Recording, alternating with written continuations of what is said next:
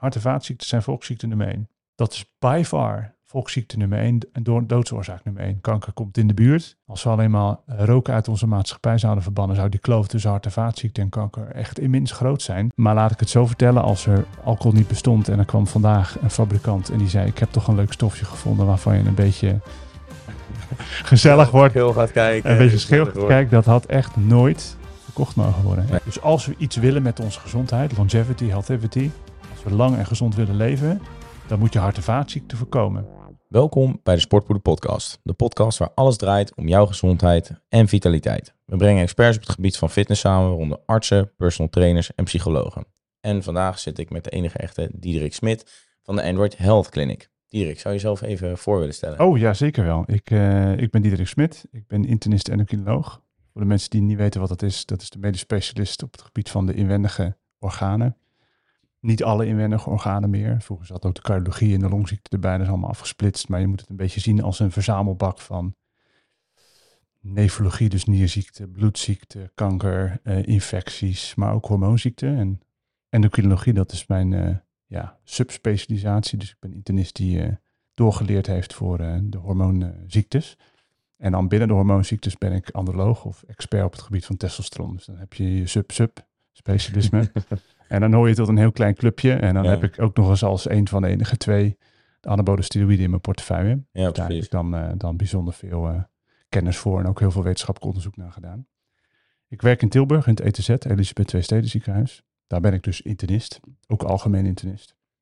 Ehm, en ik heb daar sinds 2020 een anabole spreekuur. Die heb ik afgekeken van Pim de Ronde. Daar heb ik mijn opleiding gedaan. Die zit in Haarlem. Die heeft daar ook een anabole spreekuur sinds 2010. En daar zie ik mensen die anabole steroïden hebben gebruikt. eh, en dat nog steeds doen, maar heel graag willen stoppen en niet weten hoe. Of Hm. het niet meer gebruiken, maar nog klachten hebben en daarvoor hulp zoeken. Om te kijken, is er een verband met dat gebruik destijds en mijn klachten nu? En dan kan ik ze daarmee helpen. Ehm, en dit jaar heb ik de Android Health Clinic eh, opgezet met Thijs Verdergaan en Peter Bond. Dat zijn mijn twee compagnons. We doen het met z'n drietjes. Eh, dat is een kliniek in Utrecht waarbij we mensen begeleiden die anabole steroïden gebruiken. En dat is echt anders dan het sp- spreekuur wat ik in Tilburg heb. Daar doen we dus het helpen van ex-gebruikers. Maar hier adviseren we en begeleiden we gebruikers. Ja. Omdat we weten dat, eh, nou ja, dat er toch wel een hoop gebruikt wordt op onverstandige wijze. Ja. En dat eh, advies daarin wel eh, behulpzaam kan zijn. En dat het onderzoek doen naar de gezondheid aan de ene kant kennis geeft over nou ja, wat voor risico's je loopt en wat de schade is die je jezelf hebt toegebracht met de middelen. Maar aan de andere kant ook een soort spiegel is van kijk en zie wat dit met je doet. En maak, zorg ervoor dat het een bewustwording is dat je op een verstandige manier met die middelen omgaat. Ja, zo goed als mogelijk de schade proberen te beperken. Ja, eigenlijk. harm reduction noemen we het. Ja. Dus het is een, eh, een vorm van eh, geneeskunde die een beetje in het preventieve mandje valt. Dus je probeert mensen zoveel mogelijk te behoeden voor schade later. En dat is iets wat ik in eh, studieverband al onderzocht heb. Ik loop eh, sinds vorig jaar een harnas trial. Harm reduction bij anabole gebruik. Dat doe ik me- samen met Thijs Verdergaal. Eh, en daarbij verzamelen 100 mannen die anabolen gaan gebruiken. En die hebben dan advies gegeven over een kuur. En hebben gezondheidscontroles gedaan. En dat hebben we vergeleken met mijn promotieonderzoek, de Haarlem-studie, misschien ook wel bekend. Waarbij we 100 man hebben gevolgd en gewoon hun gang hebben laten gaan. Ja, Dus we hebben gekeken wat, wat gebeurt er nou met gebruikers als ze advies krijgen. En als we dat nou vergelijken met mannen die dat advies niet krijgen, hoe doen ze het anders? Zijn die resultaten al beschikbaar? Ja, we hebben dus een tussenrapportage naar 50 Oh. man eh, opgesteld. Ja. En we zagen dat eh, de hoeveelheid middelen die ze gebruikten met bijna driekwart minder was. Ja, Ze gebruikten veel korter, veel mindere doseringen, terwijl de gezondheidsresultaten beter werden en de, de winsten in termen van spiermassa en kracht nauwelijks anders waren. Dus je kan met veel minder anabole middelen kan je net zoveel resultaat maken. ik hoor dat inderdaad vaker van de professionals. Eh, Wesley Visser zei dat ook inderdaad een keer, dat hij een keer iemand had die bij hem kwam voor nou ja, coaching. En dat hij bijna vier keer zoveel gebruikte als Wesley. Terwijl dat die, nou, Wesley was nog een derde groter dan die persoon. Of zwaarder Ja. ook qua lichaamsgewicht. Ja. Omdat het inderdaad, ja, omdat ze denken zo meer, meer is beter. Maar dat is Ja. absoluut niet dat zo. is helemaal niet zo. En dat is, dat is een beetje de fuik waar je in tere- terechtkomt als je die middelen gaat gebruiken. Je gaat in het begin natuurlijk heel hard, je groeit heel veel. En dan, ja, dan kom je tegen een nieuw limiet aan, je anabole limiet. Hè. Stagneert eh, Ja, precies. Ja. En hoe ga je daar dan omheen door nog een schepje erbovenop te doen? Maar elk schepje erbovenop geeft nog minder resultaat dan het vorige schepje. Ja. Maar uiteindelijk wil je toch verder en dan, ga, ja, dan escaleer je op een manier die eh, bepaald niet verstandig is. Want elke gram erbij is er één te veel voor je gezondheid. Ja, precies. En eh, jij gaf ook aan van, nou ja, je bent natuurlijk dokter. Ehm, is, is het makkelijk om als dokter jezelf verder te specialiseren in nou ja, deze materie, om maar zo te zeggen? Niet. Nee, ik heb twaalf jaar opleiding gedaan. En daarin kwam precies één uur het anabole steroïde onderwerp eh, aan bod. Oh. Ja, dus je moet het echt helemaal zelf doen. Ja, ja want voor dokter moet je echt tien jaar studeren. Ja, het is zes jaar geneeskunde. Ja, En dan ben je arts, basisarts. Dan ben je eigenlijk, in, in alle eerlijkheid, ben je nog steeds niks. Je hebt, ja, nou ja, goed, je hebt een, een BIG-nummer en een registratie, dus je kan recepten maken, maar je hebt nog steeds niet doorgeleerd op een of ander onderwerp. Dus je kan de huisartsopleiding ingaan, je kan bedrijfsarts worden of medisch specialist in het ziekenhuis. De opleiding tot internist is nog zes jaar. En daarvan de laatste twee jaar tot endocrinoloog. En daarnaast heb ik nog promotieonderzoek gedaan. Dat is ook meestal vier tot zes jaar, maar ik heb het naast mijn opleiding gedaan. ja. Eh, ik, ik had haast. Ik wilde gewoon zo snel mogelijk al mijn papieren binnen hebben. ja, snap ik. Dus toen ik 30 was, was ik, eh, was ik op dat moment de jongste internist eh, van Nederland. Met eh, bijna een PhD op zak. En de hele ja, kennis en kunde die ik op dat gebied heb verzameld, is echt puur uit mijn onderzoek geweest. En het oprichten van die anabole poli in Tilburg. Ja, Ja, dan spreek je honderden, duizenden mannen. Ja, dan, dan leer je het wel. En dat gecombineerd met je kennis als endocrinoloog, wat natuurlijk de meest vergevorderde hormonale kennis is die je kan bezitten. Ja, dat maakt wel een, wel een, een goede combinatie. Ja, precies. snap je het wel. ja. Oké, nou ja, dankjewel eh, voor, voor je introductie. In ieder geval uitgebreide introductie. Ik vind, Ja, ik vind het zelf echt... Redelijk- krijgen ook? Ja. Ja, nee, ik vind het zelf echt super interessant namelijk. Omdat eh, ja, ik denk dat er weinig eh, experts binnen het Nederlands grondgebied zo ver ontwikkeld zijn, om maar zo te zeggen. Want heel veel is toch op, op basis van horen van of een eigen conclusie getrokken op wetenschappelijk Ja. onderzoek. Zeker. En jij bent gewoon echt een dokter wat dat er gaat. Dus ehm, ja, en ehm, nou ja, vandaag gaan we het dus hebben over nou ja, bepaalde waardes in het bloed. Eh, Ja. Ik heb mezelf als proefkonijn opgegeven. Eh, dus ik heb vorige week, eh, vorige week woensdag was volgens mij mijn bloed Ja. laten testen. Dus gaan we even kijken wat mijn bloedwaardes gemiddeld doen. En gaan we eigenlijk kijken per onderdeel wat normaal is. welke supplementen je bijvoorbeeld wel moet nemen. En welke je eigenlijk al een beetje overbodig zijn.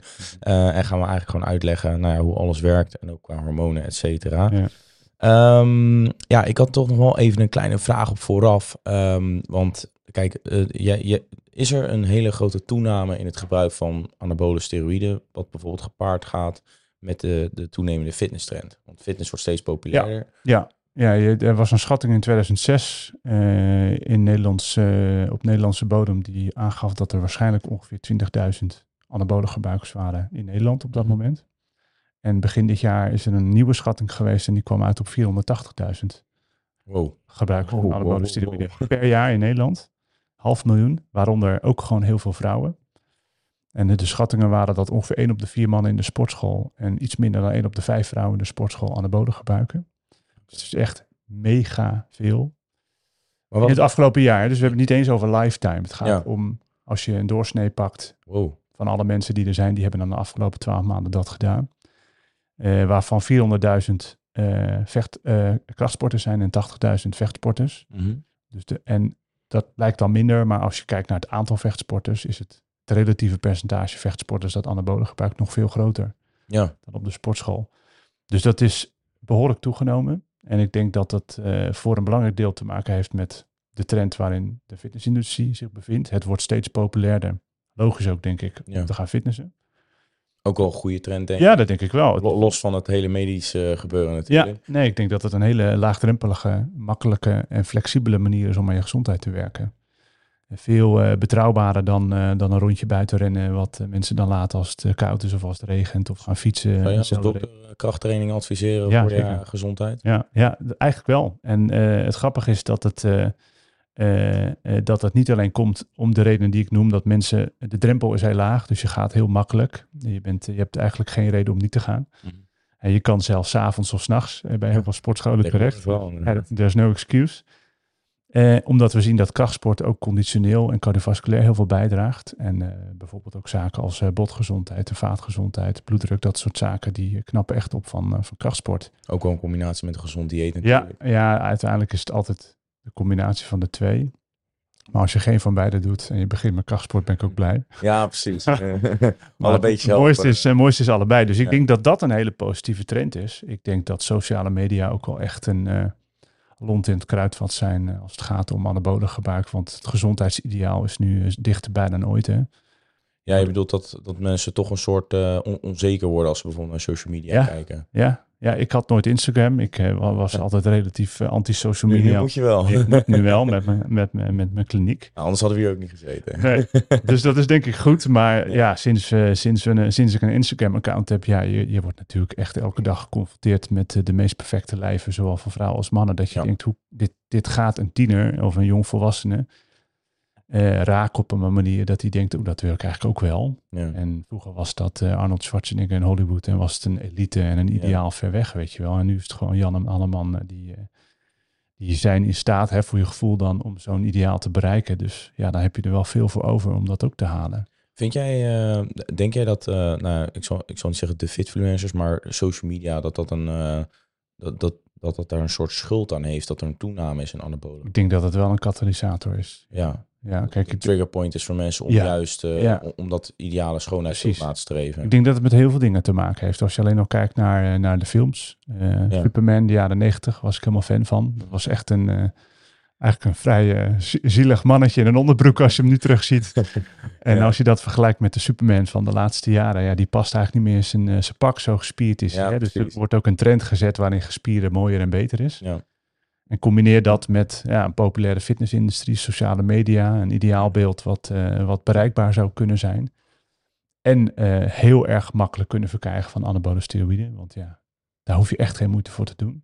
Ja, want Nou. hoe, eh, nou ja, misschien niet handig om het voorbeeld te geven, maar hoe makkelijk is dat om daar aan te komen? Heel makkelijk. Ja, je Want- kan, als je, als je al geen dealer kent of een via-via hebt om eraan te komen, dan moet je gewoon gaan Googelen, dan Ja. kan je via met bitcoin. En dan, eh, nou, ja, of dan je bitcoin of cash opsturen, maar je kan in ieder geval eh, een- net zo makkelijk een tosti-ijzer via bol.com kopen als eh DK en, en, en Masteron via een anabole website. En dat voelt de eerste keer heel erg gek van, gaat dit wel goed als ik dit bestel en als ik in een envelop cash opstuur? Dat kan toch niet goed komen, maar ja, toch een week later liggen de spullen op, eh, op de mat. Ja, want het schijnt dus ook. Had jij dat onderzoek ook gedaan? Dat jij eh, de soorten die werden opgestuurd opgezocht? Want er was een onderzoek volgens mij eh, waarbij ze dus hadden getest wat de inhoud was. Ja, dat Alleen dat er ook vaak niet eens Ja, klopte. dat klopt. Ja, ik heb in de, mijn promotieonderzoek heb ik eh 500 middelen om en nabij getest op inhoud. Ja, daar zijn we op een gegeven moment mee gestopt, want het klopte toch nooit. Het was echt heel erg confronterend om te zien dat van de 50 merken die we hadden getest, was geen één merk goed. Hè, ze hadden allemaal ook slechte middelen met andere inhoud en andere concentratie van, eh, van, van wat er eigenlijk op het label staat. Mhm. En dan denk je dat je drie dezelfde flesjes hebt van dezelfde batch. Nou, dat zal dan wel drie keer hetzelfde zijn. Dat was ook heel vaak niet zo. Ehm, dus dat geeft in ieder geval het gevoel dat je niet krijgt wat je denkt dat je krijgt. Aan de Ja. andere kant, er zaten wel altijd anabolen in. En er zaten ook geen andere rare stoffen of metalen of, of uh, oestrogeen in of zo. Dus je krijgt wel altijd testosteron-achtige Ja. stofjes. Alleen niet Ah, precies. achtig. Ja, ja, ja, ja, precies. helemaal, ja. Ja, dus dat. Ik, heb toen, eh, ik had toen al een aantal jaar met, eh, met veel gebruikers gesproken. En die hadden natuurlijk allemaal ideeën over. Ja, je moet middel A met B combineren. En dan met C erbij. Want dat heeft synergie. En dat werkt supergoed samen. Ja. Toen dacht ik, ja, maar je weet helemaal niet of je middel A en B hebt. En C al helemaal niet. Dus waar slaat het eigenlijk op? Ja. Dus toen kwam wel een klein beetje het besef dat, eh, dat al, die, eh, ja, al die theorieën over wat je, wat je moet gaan doen en wat de beste kuur is, ja, dat, dat snijdt geen hout, want je weet toch niet waar je mee te maken hebt. Nee, blijkbaar niet inderdaad. Een bijzonder wereldje eigenlijk. Dat dan. is het. maar denk jij niet dat dat ook komt eh, doordat mensen juist, of doordat er eigenlijk geen eh, autoritair of geen autoriteit is? Want, Ja. ja, iedereen gaat uit van zijn coach of van zijn sportschool-eigenaar waar je rondloopt. Ja, Eh, er zijn heel weinig mensen zoals jij natuurlijk in Nederland die eigenlijk gewoon echt een soort nou, op autoritair gebied daarover gaan. ja. ja dat klopt. Nou, dat, dat is er ook niet geweest. En ik weet ook niet of ik daarin echt de verandering ga brengen. Want ik geef mensen eh, natuurlijk het medische deel. Ik informeer ze over de risico's. En ik geef richtlijnen over hoe je een kuur het beste kan samenstellen. En wat, wat, wat ik veiligheidsvoorwaarden vind als het ware. Ja, van randvoorwaarden. Ja, Ja. ja. dat moet je niet doen en daar niet meer dan dat. En pas op met die middelen. Maar het- ik ga niet mensen vertellen, je moet maar middel A en B en C combineren. Ja. Want dat klopt dus helemaal niet. Ja, Dus ze komen dan vaak met een vrij uitgebreid kuurschema. En dan, ja, dan maak ik het meestal veel eenvoudiger. compacter. Ja, Kleiner. ja, eh, misschien is twee middelen ook genoeg en vier niet per se nodig. Want je weet niet goed wat erin zit. En Ja. Je moet er ook weer niet te diep op, op ingaan. Je moet kijken naar de duur, de dosis. eh, zijn het pillen of injecties? En wanneer doe ik mijn controles? En kan ik eventueel bijsturen? En stick to the plan, weet je wel. Ga niet na tien weken denken, nou weet je wat? Ik plak er nog tien weken achteraan, want dit en dit en dit.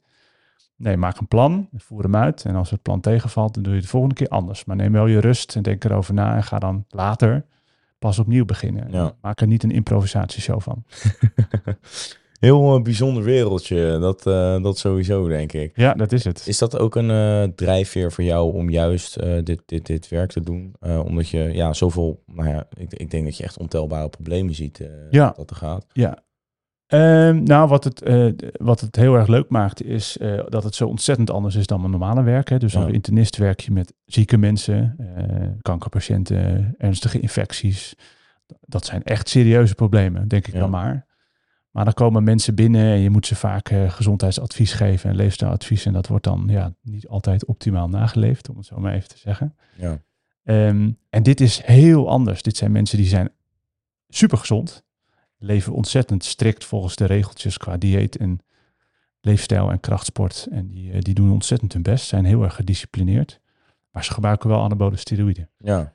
Ehm, maar het praten met die mensen is, is op een hele andere manier leuk dan het is wanneer je mensen helpt met een ernstige ziekte of daarvoor behandelt.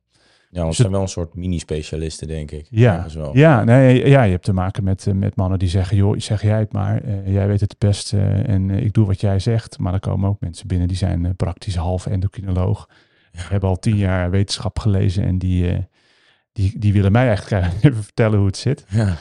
En dat, eh, dat, dat, dat sparren wat je met mensen soms doet. En ehm, ja, een beetje het worstelen met theorieën. Dat vind ik echt ontzettend leuk. En het Ja. pionieren is heel gaaf. Je bent echt als dokter iets nieuws aan het doen.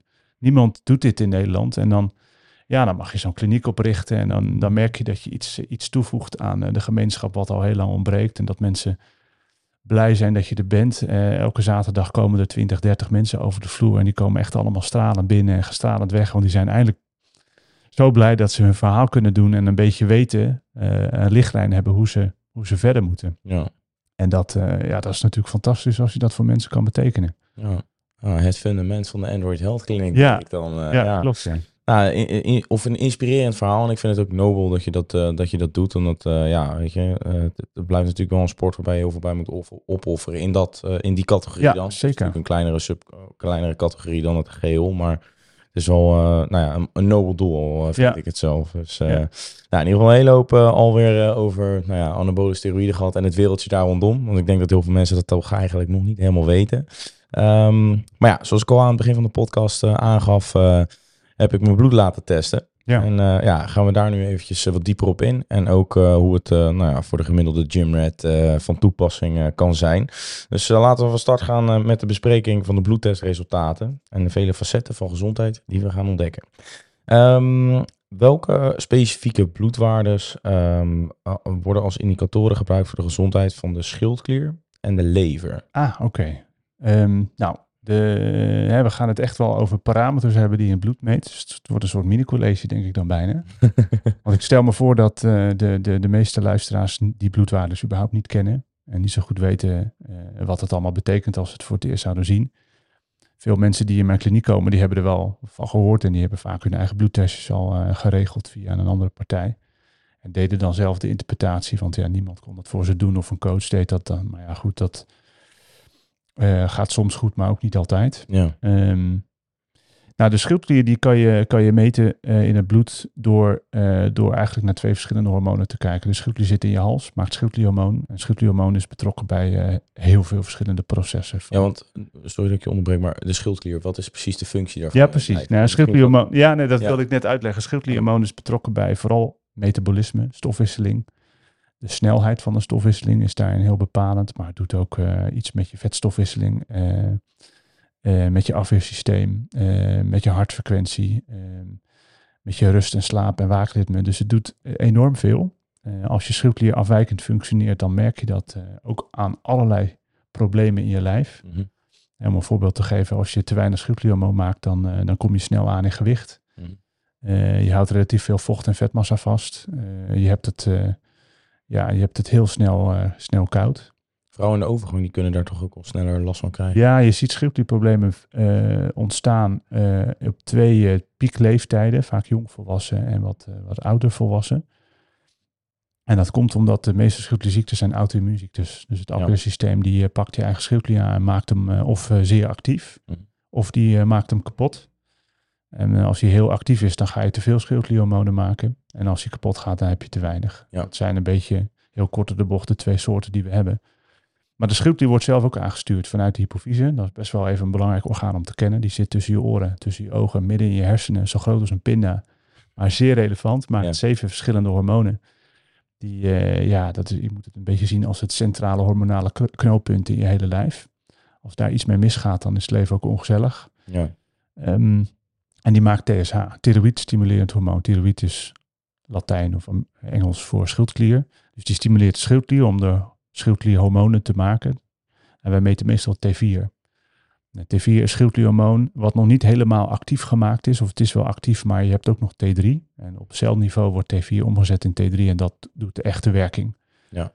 Dus als je de schildklierhormoonas, en dat noemen we dan een as, omdat het vanuit de hypofyse naar de schildklier naar de cellen gaat. Dus dat is dan de as waar langs het werkt. Wil je eigenlijk je TSH bepalen, dus het hormoon dat de schildklier aanstuurt, en de T4, het schildklierhormoon zelf. En de belangrijkste van die twee is eigenlijk het TSH. Want als er een probleem is, is dat vaak op het niveau van de schildklier. En als de schildklier te weinig hormonen maakt, dan gaat het de hypofyse harder schreeuwen. Die gaat meer TSH maken in een poging om die schildklier aan de bak te krijgen. Dus dan is de TSH-spiegel hoog, terwijl het T4 vaak laag is. En andersom. Ja. Dus de TSH is je belangrijkste indicator als het gaat om de afstelling van je schildklierhormonas. En als die waarde afwijkend is, dan is er een probleem. Bij de T4 gaat het wat eh, genuanceerder op. Dus als je één waarde moet kiezen om je schildklierhormoon eh, te controleren, bepaal je TSH. En dat is eigenlijk bijna altijd wel voldoende. Ehm, ik heb nogal eens mensen die ik willen graag een TSH en een T4 en een T3 en antistoffen en nog, nog twee soorten antistoffen. En dat kost dan bij elkaar 50 euro, terwijl een TSH is 5 euro. En dan weet je eigenlijk Ook al. genoeg Ja. in de meeste gevallen. Ehm, bij jou is dat goed. Hè? Dus jouw TSH en jouw T4-waardes vallen in de normale range. Ah, dus ik heb geen excuus waarom ik... Nee. eh, want ik heb dus wel, eh, of in ieder geval, want dat, dat, dat, dat is dus iets wat ik ook in de wandelgangen in de sportschool heb gehoord. Van bepaalde mensen die, nou, waarvan je dan denkt dat ze er verstand van hebben. Of zo komen ze over in ieder geval. Hmm. Ehm, ik, ik val best wel moeilijk af. Ik heb een eh, nou, relatief traag metabolisme, omdat als je kijkt naar gemiddeld BMR volgens mij. dat. Ah, ja. BMR voor zeg maar, hoeveel je moet eten voor iemand Ja. van, ik weeg nu 98 kilo, is het relatief laag om af te vallen, om maar zo Ja. te zeggen. Eh, alleen ze zeggen dus dat dat kan komen omdat mijn lach, hartslag dus heel laag is, dat je, je metabolisme ook traag is. Alleen Ja. dat schijnt dus, Ja. of dat kan dus door je schildklier komen. Ja. Is dat een logisch verhaal? Wat ik Ja, dat kan. al- Maar Oké. niet altijd. Ja, maar bij mij is het dus goed. Ja, bij jou is goed. Ben jij ooit heel zwaar geweest? Eh, nou ja, toen ik jonger was. Maar ik ben eigenlijk, voordat ik begon met sporten, was ik sk- skinny boy, om maar zo te zeggen. Dus Wat is je zwaarste dat je ooit gewogen hebt? toen ik jonger was, Ja. Nou, ik denk dat ik op een vetpercentage van 25, max 30 procent zat. Oké. Dus dat was niet extreem hoog. Nee. Dus, eh, want ik, ik was toen ook nog wat korter, dus dan is gewicht niet echt, eh, dan kan je dat niet Nee. goed aanduiden. Nee, precies. Dus, het was geen extreem, het was geen morbide obesitas in ieder Nee, geval. nee, maar dat zien we, dat zien we wel. Eh, als mensen heel zwaar zijn geweest. Mhm. Wat er gebeurt is als, als je zwaarder wordt, dikker wordt, even los van spiermassa, dan gaat je bazaal metabolisme omlaag. Je gaat minder energie verbranden, want je bent een heel efficiënte fabriek geworden. Hè? Je Ja. houdt al je warmte binnen, want Ja. je hebt een goede isolatielaag. Mhm. Dus dan gaat je metabo eh, metaba- eh, basal mo- metabolic rate, je BMR of je bazaal metabolisme gaat omlaag. En als je dan gaat afvallen, dan registreert je lichaam inwendig als het ware een voedingstekort. En dan gaat je, je bazaal metabolisme nog verder omlaag. En dan wordt het dus heel erg moeilijk om nog verder af te vallen. Want je bazaal metabolisme was al laag doordat je aankwam, wordt nog lager doordat je weer afvalt. Dus als je 100 kilo weegt, dan verbrand je veel minder als je ooit 120 bent geweest dan iemand die altijd 100 kilo is gebleven. Ja. Dus mensen die van een hoog gewicht komen, die hebben veel meer moeite om af te vallen. Ja, ja en eh, ik, ik ken, of in ieder geval, eh, eh, we kennen sommige mensen binnen de community, die zijn inderdaad ook zwaarlijvig geweest. Een van die gasten is dus een van mijn vrienden. Eh, en die geeft ook aan van ja, bij mij komt er veel makkelijker Ja. weer aan. Dus Ja. dat is niet een fabel. Dat Nee, is dus wel echt zo dat feit. mensen die echt dik zijn of ja. zwaar overgewicht hebben gehad, dat die Ja. weer makkelijker kunnen die hebben aankomen. minder verzadiging, meer honger, Ja. tragere verbranding. Dus echt heel moeilijk. om Dus het te eigenlijk wel een soort litteken voor het leven. Buiten Ja. de, misschien de Ja. strié die je op je buik hebt bijvoorbeeld. Ja. ja. Ja. En je vroeg na schildklier naar nog iets. Eh, leverwaarde. Leverwaarden. Ja, leverwaardes die kan je op allerlei manieren meten. Mhm. meest bekend zijn ALAT, ASAT. ehm, en dan heb je ook nog gamma-GT, alkalische fosfatase, LDH, bilirubine. Dus dat zijn, ja, dat zijn heel wat verschillende waarden. Maar als je er eentje moet uitkiezen, dan kies je voor ALAT. ALAT is eigenlijk een, een, een enzym wat in levercellen zit en vrijkomt als er schade is aan de lever. Dus dat is een, een indicator voor leverirritatie, schade, ontsteking of whatever. Uh, maar ALAT heeft ook weer imperfecties. Is ook hoog als mensen heel veel kracht, krachttraining doen. Dan want het zit ook een beetje in spierweefsel. Mhm. Dus soms heb je alle waardes nodig om er toch een aardig beeld te krijgen. En AZAT, ADAT zegt iets over de lever. Gamma-GT zegt wat meer over de galwegen, bilirubine ook. En alkalis fosfatase ook wat meer over galwegen, maar zit bijvoorbeeld ook weer in bot. Dus je hebt allemaal parameters die allemaal andere relaties of verbanden hebben, waardoor ze het moeilijk maken om ze altijd goed te interpreteren. Bij jou zijn alle waarden normaal, dus er is geen leverprobleem. Maar het zijn allemaal waarden die iets zeggen over leverschade. Maar als je leverfunctie wil meten, dus wat doet mijn lever? Die moet eiwitten maken en die moet stollingsfactoren maken. Dus dan kan je ook naar albumine kijken en stollingstijd. Dus je kan, als je de lever goed wil, uh, goed wil analyseren, gaat dat nog veel verder dan alleen maar die waarden. Maar als screenend onderzoek is een aanlat eigenlijk voldoende. En denk jij dat, uh, want nou ja, de, de, de gemiddelde gymrat, om maar even zo te zeggen, die uh, eet ongeveer 2 gram eiwitten per kilo lichaamsgewicht, Ja. ongeveer een gram vet en nou, de rest koolhydraten, maar de Ja. helft van het jaar in de bulk, helft van het jaar natuurlijk op dieet. Ja. Eh, waarschijnlijk ook niet het allerbeste voor je lichaam om constant van... Ja, volgens, ik weet niet of het, ik heb daar niet, eh, niet echt de data van in mijn hoofd zitten, maar ik geloof niet dat dat nou zo'n hele zware impact is voor je gezondheid. Ah, Oké, Zolang je dat op een redelijk verantwoorde manier ja eh, precies. doet. En ehm, als je dan zo hoog in eiwitten zit, want er zijn ook heel vaak fabels geweest van ja, eh, te veel eiwitten zijn slecht voor je nieren. Ja, Ehm, kan jij daar misschien wat Ja, dat hoor ik. Of misschien zelfs voor je lever, ik weet niet. eh, nee, in principe niet. Kijk, je lever is gewoon een enorme, enorme chemische fabriek die in staat is om van vetzuren eiwitten te maken, van eiwitten, koolhydraten en eh, alle kanten op. Dus die, die regelt dat wel. Dus die is echt in staat om, eh, om alle chemische processen te regelen in je lijf. En heeft een enorme overcapaciteit. Als je driekwart van je leven eruit haalt, dan, merk je er niks van. Ja, je kan zelfs als je eh, de helft van je lever Ja hoor. eh, laten Ja, kan je- doneren. bij wijze van Kan je verkopen op Marktplaats. kan allemaal. Kan je best missen. Kunnen we weer eiwitten kopen. Je kan één long kwijt, je kan je mild kwijt, je galblaas kan weg, één nier kan weg. eh, hart zou ik wel houden, maar je kan, je kan natuurlijk echt heel veel missen. Ja, En dan wordt het misschien wel wat penibel als je echt ouder wordt. En dat ene stukje leven wat je nog hebt ook minder goed gaat functioneren. Of als je veel alcohol drinkt. Ehm, nee, maar eiwitten en nieren, dat hoor ik heel erg vaak. En dat komt een beetje voort uit het idee dat als de nieren ver beschadigd zijn, ja. eh, dan, eh, dan gaan ze minder goed urine produceren, minder goed filteren. En door de filter lekt, lekt dan eiwit weg. En je moet het een beetje zien als zeef. De Mhm. nierfilter is een zeef en daar moet alles doorheen wat vochtig is. En alles wat, eh ja, wat rijstkorrels of groter is, moet aan de binnenkant blijven. Ja. Als een nier beschadigd raakt, komen de gaatjes in die zeef waardoor die rijstkorrels er doorheen kunnen. Dat zijn Ja. dan de eiwitten. En lekkage van eiwitten is een slecht teken. Betekent dat je nieren verder gaan beschadigen, dat ze beschadigd zijn. En als je dan veel eiwitten eet, dan gaan die door die gaten van de filter heen en die maken hem verder stuk. Ja. En dan geven we mensen een eiwitbeperkt dieet. Maar dan hebben we het echt over een nierfunctie van minder dan 30%, misschien Ja. zelfs minder dan 15%. Maar dan is er dus eigenlijk al een kwaal Dan aan. is er al schade. Ja. En tot die tijd doet het er niet toe. Dus is het verband tussen eiwitintake en nierschade eigenlijk eh, te verwaarlozen. Nou, Dus daar hoef je het niet voor te Dat laten. is een van de fitnessfabels. Ja, Ja. Te veel eiwitten zijn slecht voor je nieren of te slecht, Nee. zijn slecht voor je lever of wat dan ook. Nee. Maar dat is het bij deze dan een fabel ontkracht door een dokter. Dus, ja, die kunnen we mooi afstrepen. Ja. Ja, oké. En ehm, zijn er verder bijvoorbeeld bepaalde dingen voor leverwaardes, om maar zo te zeggen, waar we op moeten letten als nou ja, met, met het gemiddelde dieet wat, wat een krachttrainer volgt? Nee, ik denk dat de leverwaardes eigenlijk iets zeggen over eventuele leverschade. Maar als je wil weten of je dieet een bepaalde impact heeft op je lever, dan zegt het niet zo heel erg veel. We zien wel dat mensen met overgewicht of een heel ongezond dieet met veel verzadigde vetsturen, veel te veel koolhydraten, maar die hebben dan vaak ook overgewicht dat de leververvetting kan ontstaan. Gaat het vet in de lever zitten, hoort er eigenlijk niet en dat geeft ontsteking. En dan gaat het ALAT omhoog. Ja. Eh, maar als het ALAT normaal is, wil dat niet per se zeggen dat je een hele gezonde lever hebt en dat je een uitermate gezonde leefstijl hebt. Je moet het een beetje omdraaien. Als het, als het hoog is, is het misschien afwijkend, maar als het laag is, is het niet per se altijd goed. Ja. Dus zie het meer als signaal van schade, eh, maar zie het ook niet als heel veel meer dan dat.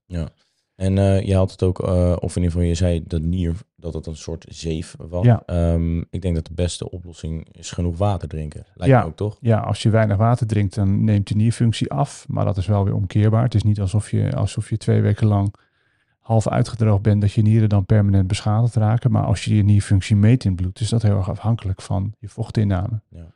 En het beste qua, eh, kijk, het beste is natuurlijk voor mij om alleen maar water te drinken. Ja. Eh, qua kleur van urine lijkt me best Ja. als het gewoon eigenlijk altijd wit is. Als het geel is, moet je gewoon meer water drinken. Ja. Ja, nou, ja, dus die moeten goed gehydreerd zijn. Want eh, als de nieren niet, niet voldoende vocht krijgen, kunnen ze minder goed werken, kunnen ze hun afvalstoffen minder goed kwijt. Dus daarin is het belangrijk om voldoende vocht te drinken, waarbij het advies 2, 3 liter is. Ehm, Maar dat denk ik ook een beetje ja, gewicht. eh, precies. Want als je heel veel calorieën eet en heel veel eiwit eet, heb je ook veel meer water nodig om dat allemaal te metaboliseren en uit te kunnen plassen. Dus het hangt ook wel heel erg af van wat je eet. Maar voor de doorsnee sporter zou 3 liter wel genoeg moeten zijn. Meeste wat ik altijd hoor is t- eh, twe- eh, of 1 liter per 20 kilo lichaamsgewicht. Ja, ja, ja maar dan ga je naar indicatie. 5 liter bij 100 kilo en dat is niet, ja, dat is misschien een beetje ruim. Enthousiast. Ja, hoeft niet per se.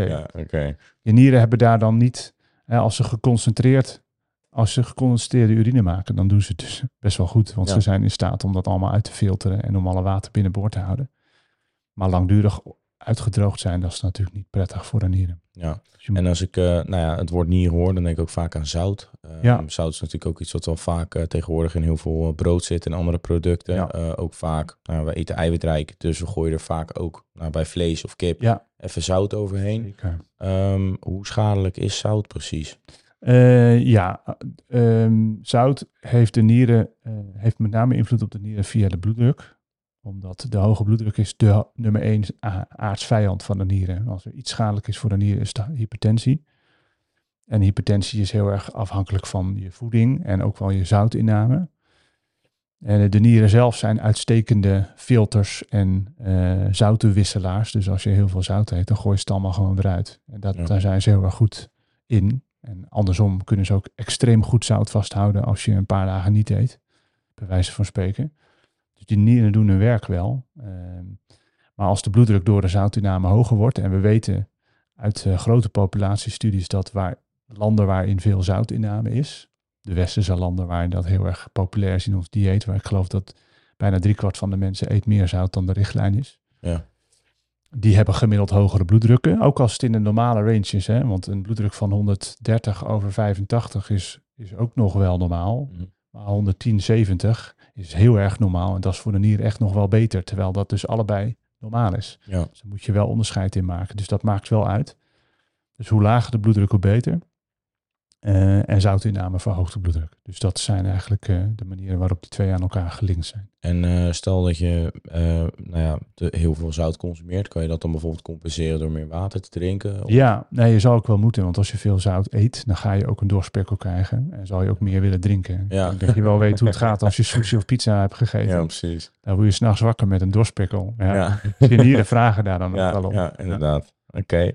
Oké, nou ja, in ieder geval diep ingegaan op, eh, op de schildklier en eh, nou ja, de, de, de lever en de nieren. Ja. Ik denk dat het volgende onderdeel wat interessant is, is eh, de vitamines en eigenlijk Ja. de supplementen die erbij komen kijken. Ja. Want nou, we hebben natuurlijk heel veel soorten vitamines. Bij Kruidvat kan je denk ik eh 80 verschillende potjes halen. ja. Het is nog discutabel of het de goede vitamines zijn of niet. Ja. Ehm, ja, eh, la- laten we het eh, rijtje afgaan, om maar zo te zeggen. Met het alfabet, dus dan beginnen we bij Ah, ja. vitamine A, om maar zo Ja. te zeggen. Ja. Eh, zou jij een beetje kunnen uitleggen per vitamine ehm, waar, waar het voor dient? eh. Uit wat voor voeding je het kan halen en. Nou ja, wat er gebeurt als je een tekort aan hebt. Ja. Eh, kijk, als je in het bloedonderzoek naar vitamines wil kijken, dan moet je je wel afvragen of je alle vitamines per se wilt meten. De populairste dan. Ja, ja nee, we hebben bij jou A, B1, B6, B12, eh foliumzuur, dat is eigenlijk B9 of B11 en, en D gemeten. Ehm, en dan heb je het over alleen vitamines. En je kan ook naar magnesium, en fosfaat, en natrium en, eh, en ijzer kijken. En dat zijn de vitamines waarbij je misschien iets zou kunnen zien als er iets met het dieet niet in orde is. Ehm, en waarbij een afwijking ook echt consequenties heeft. En je moet je wel voorstellen dat als je ook maar een beetje gevarieerd en gezond eet, dus niet echt alleen maar elke dag pizza of kebab, ehm, maar ook af en toe wat groentes en wat fruit, weet je, dan is het wel echt heel erg moeilijk om een vitaminedeficiëntie te ontwikkelen. Ja. Dat is echt waar. Oké. En dan heb ik het niet over vitamine D, want dat is heel makkelijk om daar een tekort van te ontwikkelen. Je hoeft er alleen maar niet al te veel naar buiten voor te gaan. Ja, want dat zit in de zon. Ja, dat zit Ja. in de zon. En een half jaar, per, half jaar per jaar in Nederland hebben we überhaupt geen zon. En als er wel zon is, dan zitten mensen ook nog wel regelmatig binnen. Of als je naar buiten gaat, dan ben je niet naakt. Want ja, hoe meer huidsoppervlak in de zon, hoe beter. Ja. Dus een vitamine D tekort, zeker als je wat donkere huidskleur hebt, waardoor je minder makkelijk vitamine D omzet uit UV-licht, dan heb je daar heel makkelijk een tekort eh, van ontwikkeld. Uh, dat is denk ik wel een hele relevant, maar de meeste van die andere vitamines heb je heel makkelijk op voorraad. En dus het suppleren daarvan is mooi, maar je plast ook gewoon de rest uit of de lever breekt het af. Dus te veel vitamines is niet altijd schadelijk. Dat kan wel. Um, maar het is niet alsof je dan betere vitamine reserves hebt. Ja.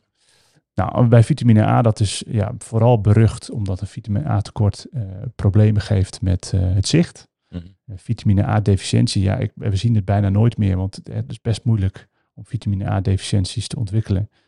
Ja, dan kan je slechter zicht of zelfs blindheid van ontwikkelen. Retinol, dat zit uh, nou meest bekend in wortels. Ja, ja, ja, eet een worteltje, dat is goed voor je ogen. Vitamine A in. Kijk, en bij jou is de spiegel normaal. En vitamine A is uh, een van de vetoplosbare vitamines. Dus dat zijn vitamines die hebben vet nodig om verteerd te worden. Nou ja, dat vet wordt vaak geleverd vanuit je eigen lever. Die zorgt ervoor dat de vetzuren in je darmkanaal komen, zodat je de vitamines op kan pakken en verteren en opnemen. En dat geldt ook voor vitamine D, E en K. Dus DK onderhoud ik altijd maar van de DK-markt. Dat zijn de vier vitamines die je nodig hebt als vetoplosbare vitamines. Um, ja, die, uh, die, die, die kan je meten. Realiseer je dat vitamine testen zijn duur. Gemiddelde vitamine parameter kost je 20, 25 euro. Mm. Uh, dus als je een heel rijtje wil doen van B1 tot en met 12 en die andere letters er ook bij, zit je al gauw 250, 300 euro voor alleen ja. de vitamine panel. Terwijl maar, jij nu eigenlijk net zegt dat de kans heel klein is. Dat je ja, dus je moet, je moet daar ook weer niet te veel aan ontlenen. En, ja. en gezondheid uh, zit, uh, zit hem in veel meer dan alleen vitamines. Alleen vitamines zijn enorm populair geworden, omdat ja. ze een aangrijpingspunt zijn voor supplementen. En anderszins omdat het natuurlijk ook uh, heel erg een slogan is geworden van vitamine zit en fruit, fruit, het is goed voor je. En ja. daar moet je veel van eten. En dat, dat is ook zeker waar, maar niet alleen vanwege de vitamines, maar ook vanwege de vezels. En omdat je je calorieën dan haalt uit Gezonde gezondere voeding. In plaats van ongezonde koolhydraten exact. uit de supermarkt bijvoorbeeld. Ja, en dat geldt ook voor vitamine B1. B1 is thiamine. Dat is een uh, vitamine die ook uh, moeilijk is om weinig van te hebben. We zien het wel met, bij mensen met alcoholisme en ondervoeding. Dus die halen alle hun calorieën uit bier of wijn. Ja, dat klinkt flauw, maar in het ziekenhuis komen ze echt uh, komen ze regelmatig voorbij. En B1-deficiëntie heeft hele ernstige consequenties. Kan het zogenaamde Wernicke-Korsakoff-syndroom veroorzaken. Dat zijn mensen die hebben praktisch geen korte termijn geheugen meer. Die hebben oogzenuwstoornissen en uh, ja, zijn toch wel redelijk geïnvalideerd en verpleegafhankelijk. Maar dat zijn meestal alcoholisten. En uh, B1 tekort op een andere manier uh, dan, dan zo'n eenzijdige, extreem eenzijdig dieet is ook best wel ingewikkeld om voor elkaar te krijgen. Ja. B1 zit in bijna alle voeding die je maar kan bedenken als het ware. Dus dan, dan moet je echt structureel alles vermijden. Ik wil toch even één vraag tussendoor stellen. Er is vroeger altijd, uh, te, of er werd altijd gezegd van één glas alcohol per dag is goed voor je. Ja. Dokter, vertel het ons. Is dat echt zo? Of... Um, Sorry dat ik deze podcast eventjes onderbreek. Het is namelijk voor de Sportpoeder app. Je kan hem nu gratis downloaden in de App Store en in de Google Play Store. Hier staan de hoogste kortingen op voor jouw favoriete supplementenmerken, zodat jij nooit meer te veel hoeft te betalen voor jouw favoriete supplementen. Dus ik zou zeggen, download hem lekker en luister lekker verder. Ja, de, ik geloof dat vorig jaar of het jaar daarvoor kwam er een, uh, de nieuwste grote meta-analyse. Dus dat wil zeggen, ze hebben alle onderzoeken die we kennen, hebben ze op een hoop gegooid om dan toch een uitspraak te kunnen doen over de toxiciteit van alcohol. En op basis daarvan hebben ze gezegd, ja, elk glas alcohol is toch echt te veel. Alleen het is natuurlijk niet zo dat één glas alcohol per dag meteen leidt tot uh, verschrikkelijk veel hart- en vaatziekten, dementie en leverproblemen. Dus het moet ook wel een beetje genuanceerd worden. Maar op basis van daarvan hebben ze de richtlijn gesteld dat voor vrouwen eh, elke vorm van alcohol toch vermeden moet worden. Dat één glas alcohol per dag gemiddeld al te veel is. Dus het advies voor vrouwen is nul. En waarom is dat bij vrouwen dan wel zo? Ja, die hebben dan toch iets meer kwetsbaarheid voor de, de, de toxiciteit van alcohol dan, ja. uh, dan mannen. Is dat, dat dan voornamelijk vanwege hormoonhuishouden? Ik of? denk dat dat, eh, dat dat misschien, nou dat denk ik eigenlijk niet dat het vanwege de hormonen komt, maar misschien toch de... Hmm, misschien toch meer aanleg op andere manieren die wel genetisch bepaald zijn. Okay. Uh, en bij mannen was dan toch één eenheid per dag is toegestaan. Eén één biertje dus, ja, dus niet ja. zes. Ja. Nee. Oké. Okay. Nee. nee, dus je moet alcohol gewoon echt als gifstof zien. Ja. En ik maak me er zelf ook schuldig aan, want ik nuanceer het ook met het idee van af en toe een keer een glaasje, dat kan wel. Eh, af en toe een hamburger kan ook wel. Hè. Dus je moet het ook wel met alles een beetje nuanceren. Ehm, maar laat ik het zo vertellen, als er alcohol niet bestond en er kwam vandaag een fabrikant en die zei, ik heb toch een leuk stofje gevonden waarvan je een beetje gezellig wordt, gaat kijken. een beetje scheel gaat kijken, dat had echt nooit verkocht mogen worden. Nee, het is een beetje nooit. eh, ingegoten in de cultuur. eh, zo leg Nou ja, het bestaat al honderden jaren. Ja. En het was, eh, het was vroeger een hele mooie manier om, om bepaalde dranksoorten heel lang houdbaar te maken. Dus alcohol was noodzakelijk eh, vroeger voor, ja, voor voorraden. En dat is er dus nooit meer uitgegaan. Maar als alcohol nu was ontwikkeld, Ja. dan had het nooit in de gedaan. Had het geworden, Nutri-score Z gehad. En, dus dat, ja, dat is, ja, ja, dus de, eh, eh, ja, ik zou bijna zeggen als anabolen schadelijk zijn en alcohol ook, waarom zouden we ze dan heel erg anders benaderen? Ja, nee, daar zeg je wel. want- Oké, nou in ieder geval dan is dat duidelijk dat alcohol eh, een no-go is. Ja, Ehm, we hadden natuurlijk ook vitamine B1. ja B1 gehad en eh, B6 hebben we ook gemeten. En dat is vooral relevant omdat eh, wederom moeilijk om een deficiëntie van B6 te ontwikkelen. Daar heb je doorgaans echt geen supplementen voor nodig. En dat is een vitamine die ook eh, overgedoseerd kan worden. Toch met enige regelmaat. Ik wil niet zeggen elke week, maar toch wel een paar keer per jaar dat ik mensen in de kliniek, maar ook in het, in het ziekenhuis op spreekuur tegenkom die, eh, die een B6-overdosis hebben. B6 is moeilijk te klaren, dus kan je lever en je nieren niet goed verwerken. En als je B6 eh, overdoseert, dus langdurig te veel supplementen gebruikt, eh, dan kan je daar zenuwschade van krijgen. Dus dat zijn mensen die krijgen dan tintelingen aan het einde van hun handen en voeten. En dat is dan gerelateerd aan een eh, B6-intoxicatie, chronische intoxicatie van B6. Ehm, heb jij niet. Je hebt een eh, spiegel van 133 en tot 250, 300 is, eh, is geen enkel dat probleem. Eh, dus dat is ja, het omgekeerde verhaal van vitamines. Is de- een overdosis kan ook. Ja, In theorie kan je een vitamine D overdoseren, maar is echt heel moeilijk. En B6 kan je overdoseren. Ehm, dus daar moet je ook wel weer mee oppassen. Een chronische zinkoverschot is ook niet goed. Ehm, en een zinktekort, dat komt wel wat vaker voor. Ehm, maar dat, eh, dat zijn wel risico's waar je ook rekening mee moet houden op het moment dat je aan de supplementen gaat. ja. Dus ik zou, ik zou niet zo, ik ben denk ik niet per se voorstander van multivitamines, maar wel gericht suppleren op basis van eventuele deficiënties, weer op basis van, Van een voeding, voedingspatroon. precies.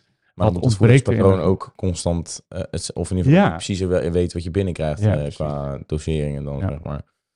Nou, vitamine eh, eh, B12 en foliumzuur, dat zijn wel relevante vitamines om te meten, omdat daar nog wel eens tekorten in bestaan. Dat zit Mhm. vooral in de groene groentes. Ehm, en als je daar tekorten van ontwikkelt, dan is dat een probleem, omdat die vitamines nodig zijn voor het maken van rode bloedcellen. En te weinig foliumzuur of B12 leidt tot een bloedarmoede, dus anemie. En van een anemie kan je behoorlijk moe zijn, hoofdpijn krijgen, licht in het hoofd zijn. Dus dat is, eh, dat is merkbaar aan de buitenkant. En waar zijn die rode bloedcellen bijvoorbeeld ook nog meer goed voor? Rode bloedcellen zijn de cellen in het bloed die zuurstof transporteren. Dus als Ja. je daar te weinig van hebt, kan zuurstof minder makkelijk van A naar B. En dat, Mhm. geeft, eh, dat geeft op den duur gewoon vermoeidheid. Je hebt minder conditie. Dus dat, als je last hebt van moeheid, dan is dat wel iets om even na te kijken. Maar ik moet zeggen dat een, een, een, eh, doorsnee huisarts, die zal op zijn minst bij iemand die moe is, een keer de schildklier en een bloedbeeld aanvinken waarbij de bloedcellen gemeten worden. En dus ook een ijzertekort wordt uitgesloten of een B12 of foliumzuurtekort.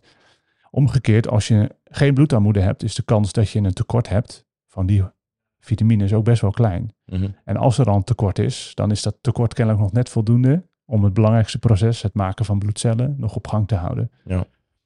Ehm, daar kan je er wel moe van worden. Eh, tenminste, zo maak ik het wel eens mee, maar dat is dan een zeldzaamheid. Ja, oké. Eh, En is, hoe is het, eh, ja, bij jou is het goed. Foliumzuur is 15, dat is, eh, dat is eh, de, prima in orde. En B12 zelfs aan de hoge kant. Oh, en is dat dan gevaarlijk? Of niet? Nee, eigenlijk niet. Ik denk, zou dat kunnen komen? Want ik gebruik vaak, je, je bent bekend met pre-workout, Ja. denk ik. Of in ieder geval, kijk, de hoofdingrediënten daarvan zijn cafeïne, Ja. beta-alanine en arginine en citrulline. Alleen arginine en citrulline, die verrijken het stikstofgehalte in het Ja. bloed. Zou dat daardoor bijvoorbeeld kunnen komen? Dat dat niet. hoog Nee, want dat het zijn allemaal geen B12-vitamines. Ah, oké. Die worden ook niet omgezet in B12. Dus B12 hou je uit supplementen dan toch vaak. Ja. Oké. B12 ligt voor jaren opgeslagen in de lever. Dus daar kan je echt heel lang mee doen. Ja, oké. Eh, dus als je heel rijk B12 voeding neemt en je doet dat jarenlang, dan kan je een ruime voorraad hebben. Dus dit is, ja, een overschot vind ik niet echt een goed woord. Je hebt gewoon een ruime, ruime voorraad. voorraad. Veel op de plank liggen, zeg ja, maar. precies. Oké. En dat is niet echt schadelijk. Mhm. Eh, we, we hebben veel mensen die B12 suppleren met injecties omdat ze een tekort hebben. Mhm. Nou, da- daar zit vaak een hele klap B12 eh, in die eh, meer dan voldoende is voor drie maanden. En dan wordt het nog wel eens maandelijks genomen. Ja. Dan zie je B12-spiegels van duizenden. En, nou, we hebben nog steeds geen eens goed bewijs dat dat nou per se kwaad kan. Dus Ja. te, ve- te veel B12, daar zou ik me niet zoveel zorgen om maken. Grappig genoeg is een B12 ook een marker voor leverschade. Want omdat het in levercellen opgeslagen ligt en als de levercellen kapot gaan, neemt de B12-spiegel in het bloed ook toe. Dus het kan ook een marker zijn van leverschade, maar dan zie je dus ook dat de andere leverwaarden vaak verhoogd zijn. Oké. En vitamine D is dan denk ik de, de, nou niet de laatste, maar wel even van de vitamines, vind ik een hele belangrijke. A, er is vaak een tekort aan. En eh, B, het is heel relevant voor je, het functie van je afweersysteem, voor de botgezondheid, voor spierkracht.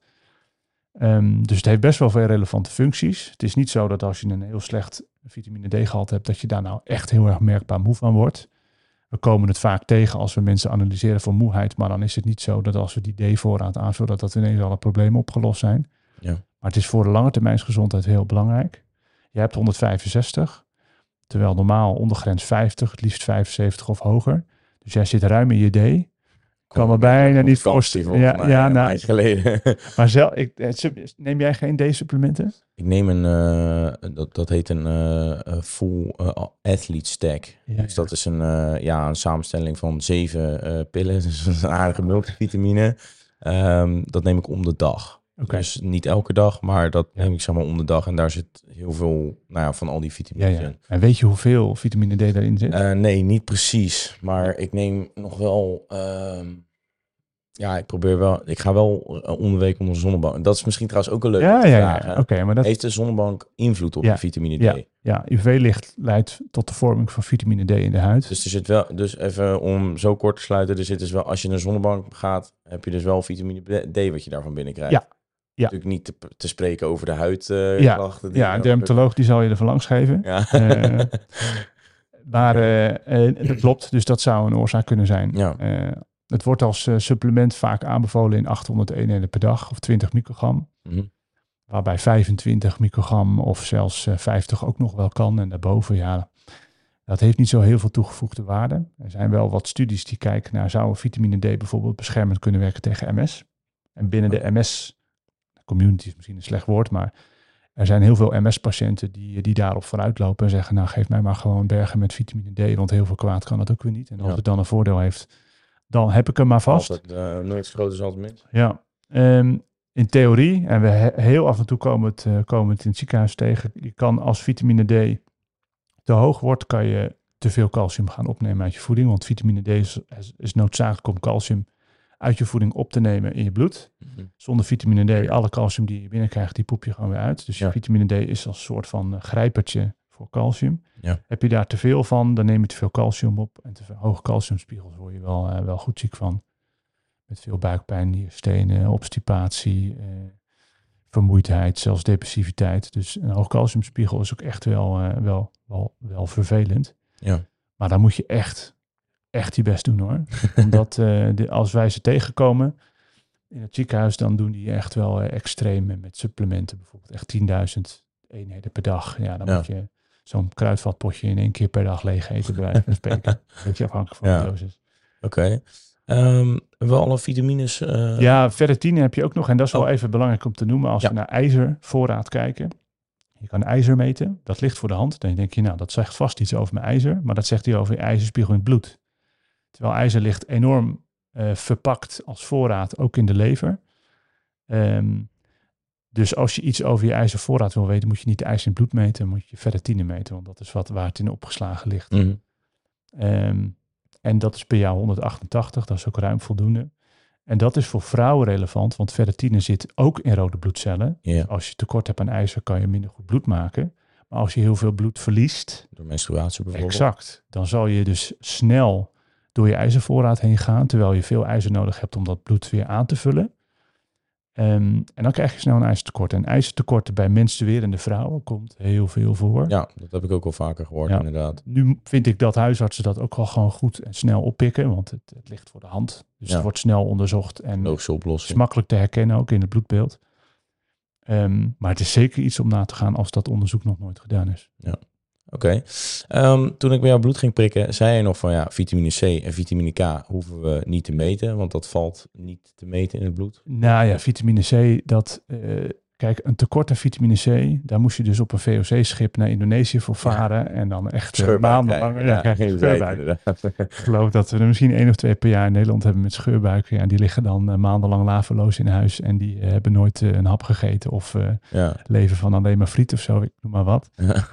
Ja, dan kan je vitamine C tekort krijgen. En alle vitamine C die over, overtollig is, die, die plas je uit. Ja. Ehm, vitamine C wordt natuurlijk in verband gebracht met het immuunsysteem. Het zit veel in fruit. Eh, goed vitamine C als je verkouden wordt. Dus ja, ik wil hem nou niet meteen eh, de deur wijzen. Maar ik geloof niet dat daar heel veel bewijs voor is. Maar het is wel populair om het op die manier te suppleren. Mhm.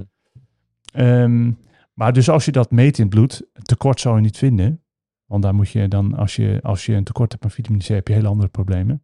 En overschot aan vitamine C meet je niet, want dat plas je uit. Ja. Dus het meten van vitamine C in bloed is vrij onzinnig.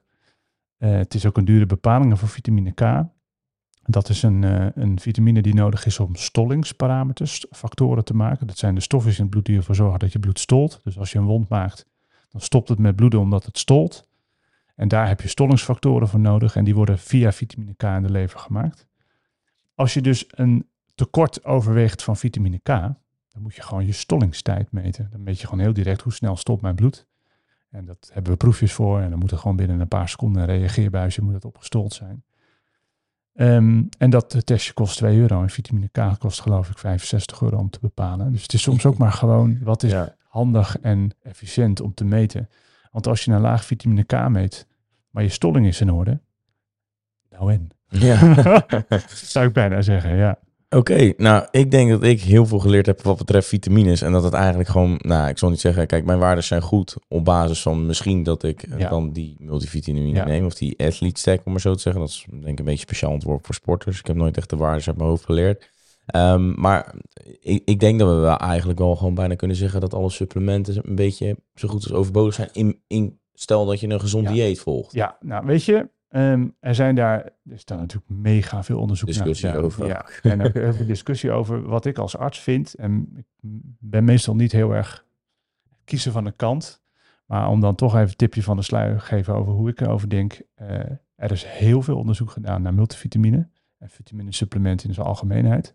Ook daarvan zijn meta-analyses gedaan met honderdduizenden mensen, echt met meer dan honderden studies.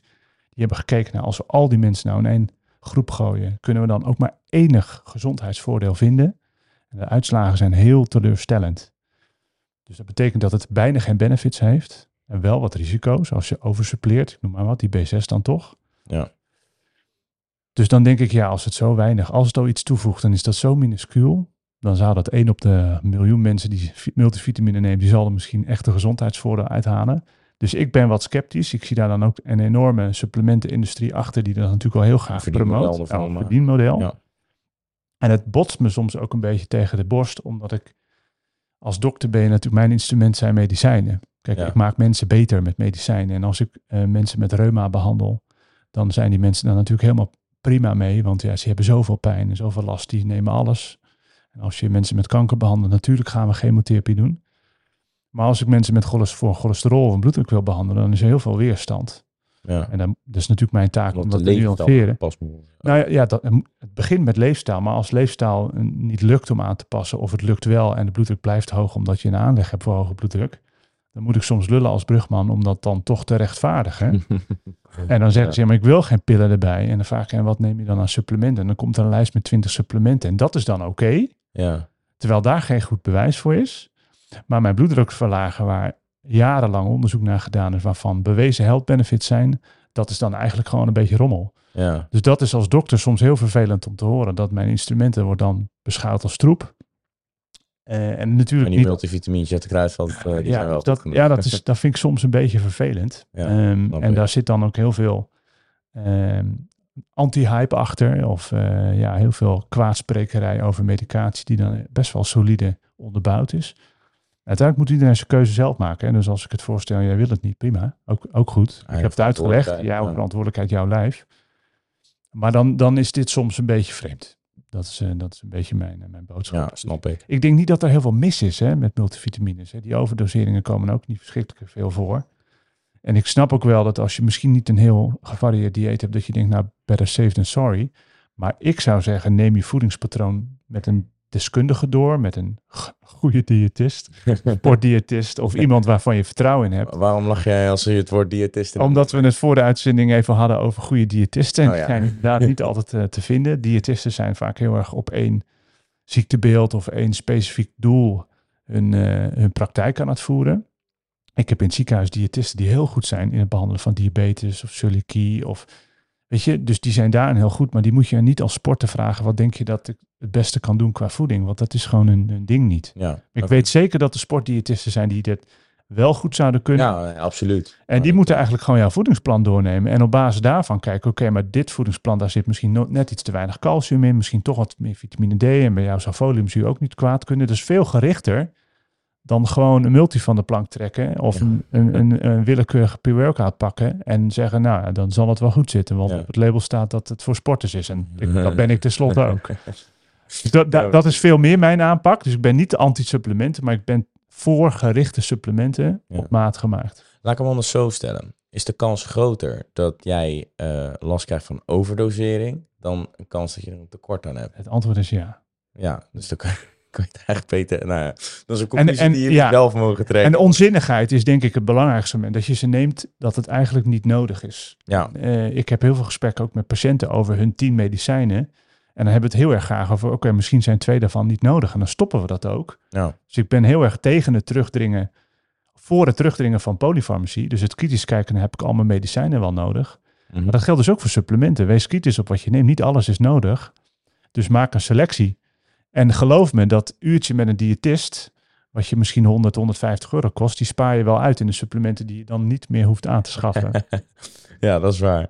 Oké, nou ja, duidelijk over vitamines en supplementen. Jullie kunnen daar zelf je oordeel uit trekken eh, voor als je deze podcast aan het luisteren bent. Ehm, het volgende onderdeel, ook een heel belangrijk onderdeel eh, voor mannen, maar zowel als vrouwen, hormonen. Ja, Ehm, ik wilde het toch even een keer gaan testen, want nou ja, ik heb eh, last van, Gi- wat is de volledige naam van Gino? gynecomastie? Ja, inderdaad. Eh vetweefsel rondom de, de tepels. Ze zeggen vaak dat dat komt door eh, hoge testosteron.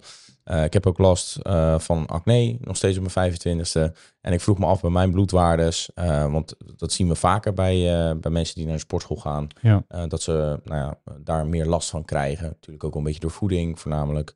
Ehm, maar ja, eh, zou je misschien kunnen uitleggen hoe de hormonen in elkaar zitten? Wel, welke hormonen hebben we? Ja. Testosteron is een van de bekendste. Ja. Dan oestrogeen voor de, voor de dames zeggen ze altijd, maar die hebben mannen natuurlijk ook. En tes- vrouwen hebben ook testosteron natuurlijk. Ja. Maar, Tes- vrouwen hebben meer testosteron dan oestrogeen. oh, nou, kijk eens aan. Als je het converteert naar dezelfde eenheid, hebben ze meer testosteron Oh, dan dat ze oestrogeen hebben. Alleen verhoudingsgewijs. Ja, precies. Dat is natuurlijk heel anders, want mannen hebben bakken vol met testosteron en bijna geen oestrogeen. Zo moet je het een beetje Ja, Dus de verhouding is dan, ja, welke hormonen? Ja, er zijn er wel 50 hormonen bekend. Oh, oké. Ken ze ook niet allemaal. We hebben Wat zijn- wat zijn de meest eh, bekende waar we over spreken? Vooral Ja. in de, ja. Ja, ehm, nou, we hebben het over schildklierhormoon gehad. Dat is de eentje. En de hypofyse maakt er eh, zeven, zei ik al. Die maakt eh, onder andere het schildklierstimulerend hormoon, eh, LH. FSH, dat zijn de hormonen die de eierstokken bij vrouwen en de testikels bij mannen aansturen. Prolactine zorgt voor borstklierontwikkeling en het maken van borstvoeding. Voor mannen niet zo relevant zou je zeggen, maar we maken het echt. En het is ook echt wel vervelend als je er te veel van hebt. ja. Ehm, oxytocine, het gelukshormoon. eh groeihormoon wordt gemaakt door de hypofyse. Eh, je hebt nog ACTH, dat is het hormoon dat je bij niet aanzet om cortisol te maken, het stresshormoon. Ehm, je hebt ook nog bijschildklierhormoon, die regelt de kalkhuishouding in het bloed. Eh, je hebt ook nog adrenaline. Nou, dat kennen we wel. Ja. De fight, fright en flight reactie. Aldosteron komt uit de bijnier, regelt de bloeddruk onder andere. Mhm. En je hebt binnen het, het ges- de, de koepel geslachtshormonen heb je ook naast testosteron ook nog androstenedion, DHEAS, progesteron, 17-hydroxyprogesteron. Nou, ik kan wel eindeloos doorgaan.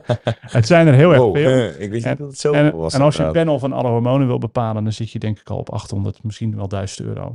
Ja, Is het meten van al die hormonen relevant? Nee, natuurlijk niet. Nee. Want heel veel hormonen, daar verandert niet zoveel. Dat zijn ook weer hormonen die omgezet worden in een ander hormoon. Dus je meet uiteindelijk het eindhormoon. Dat, dat testosteron en al die voorloperhormonen, die hoef je niet te weten. Alleen in hele specifieke gevallen. Ehm, dus ja, wat denk ik relevant is om te meten, is uh, nou, testosteron bij mannen.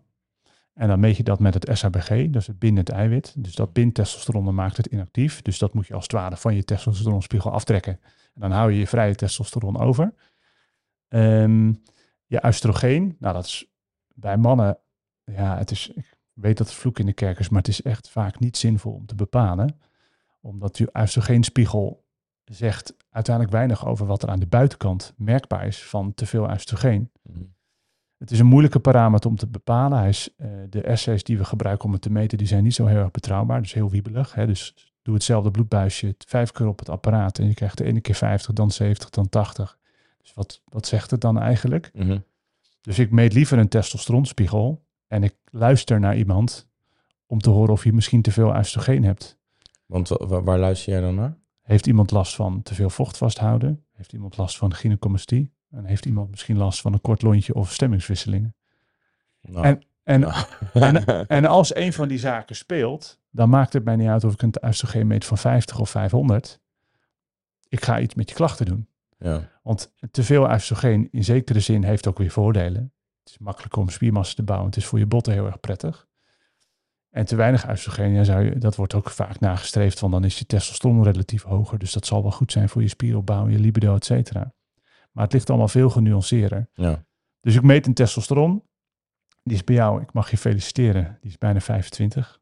Is dat uh, heel veel? Ja, dan zit je ongeveer op het 95ste percentiel. Wat inhoudt van 100 mannen van jouw leeftijd die gezond zijn en geen overgewicht hebben. zitten de 95 lager en 5 hoger. Nou, dat had ik ergens ook al verwacht. Want toen ik bij jou de kliniek binnenkwam lopen, toen gaf ik ook al aan van, nou, ik heb symptomen van, ik heb alle symptomen van anabole steroïden, ook gebruik ik het niet. um, want ik heb, ja, zou dat bijvoorbeeld mijn acne kunnen verklaren? Uh, nou, ja, nee, toch eigenlijk ook niet. Ook niet eens. Nee, nee ja, het, er wordt, er wordt vaak heel, heel te haftig over gedaan. Um, of dat een testosteron heel hoog is of heel erg ja, uh, vervelend over gedaan als je misschien onder het gemiddelde valt. Het gemiddelde ligt rond de 14. Dat zou je niet zeggen als je de range bekijkt, want die loopt van 9 tot 30 ongeveer. En dan denk je, nou, dan zal het gemiddelde wel rond de 20 liggen. Dat is niet waar. Het is niet normaal verdeeld. De meeste zitten op 14. De helft eronder, de andere helft erboven. Dus aan de buitenkant, de bovenkant zit veel meer spreiding.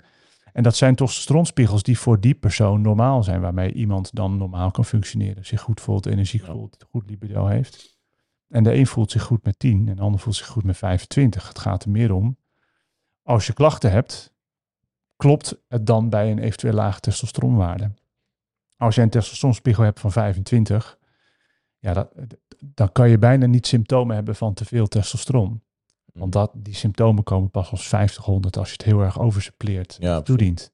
En wat zijn dan de symptomen? Ja, dan zijn de symptomen dat je veel spiermassa aanlegt, dat je inderdaad wel gevoeliger bent voor acne, uh, dat je een kort lontje kan krijgen, dat je veel gaat transpireren.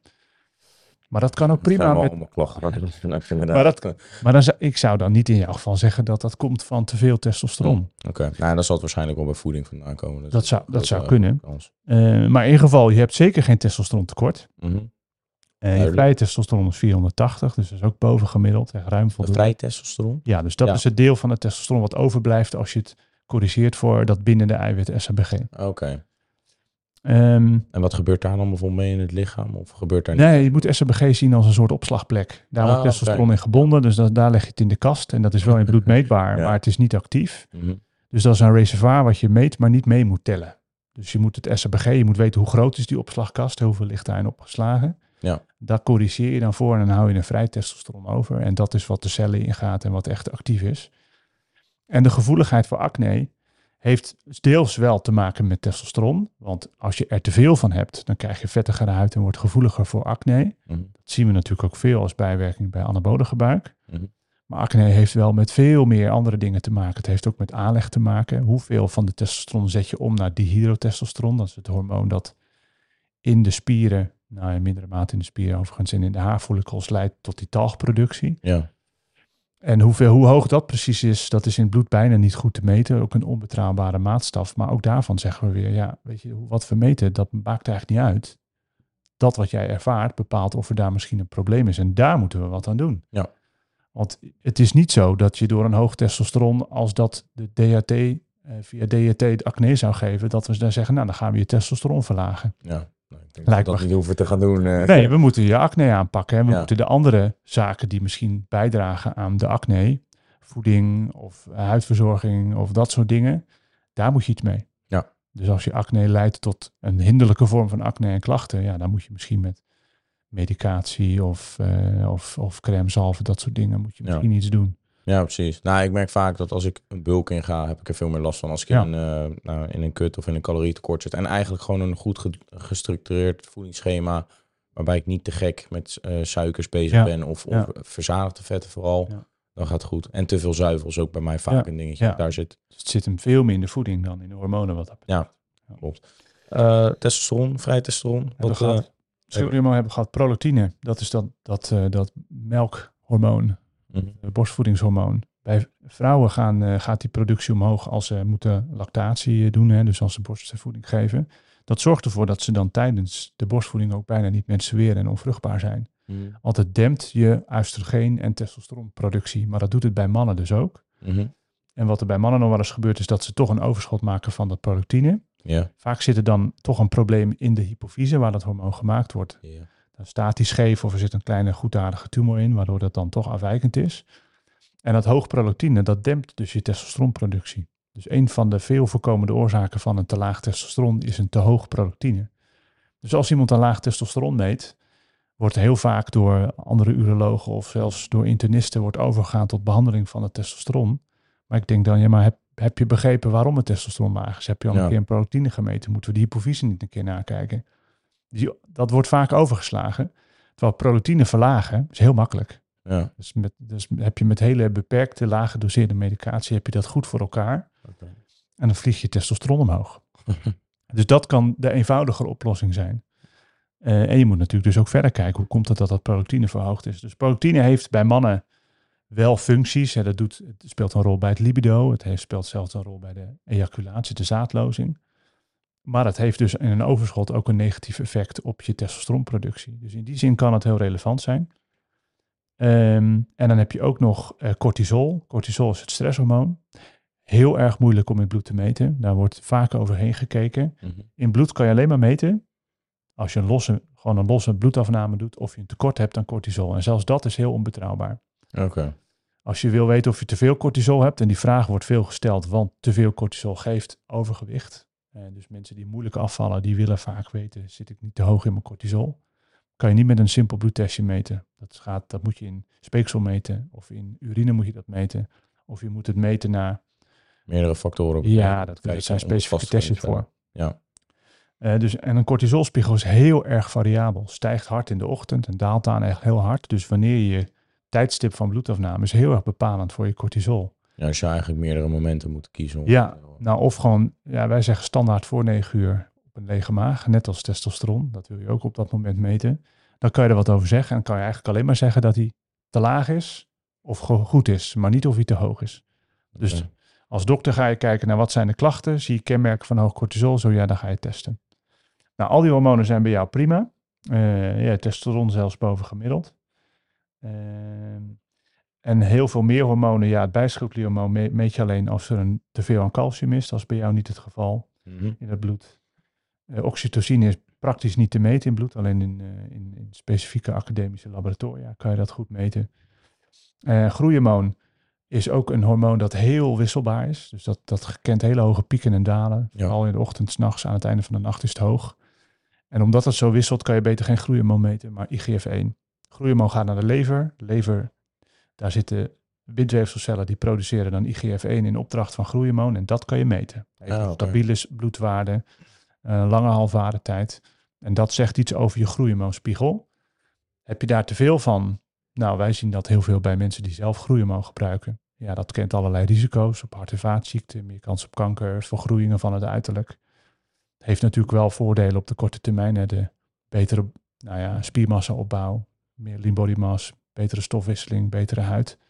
Dus die moet je wel goed tegen elkaar afzetten. Is dat het allemaal wel waard? Terwijl een laag groeihormoonspiegel, ja, daar, daar kunnen vooral mannen kunnen daar echt moe van zijn. meer vet opslaan, eh, hebben meer kans op hart- en vaatziekten, gewoon Mhm. meer, meer gezondheidsproblemen. Maar een groeihormoontekort is heel zeldzaam. Oké. Komt eigenlijk alleen maar voor bij mensen met hypofyseproblemen. Als daar een tumor zit of als ze bestraald zijn of geopereerd zijn in de hypofyse. Dan zien we groeihormoontekort en kunnen we het voorschrijven.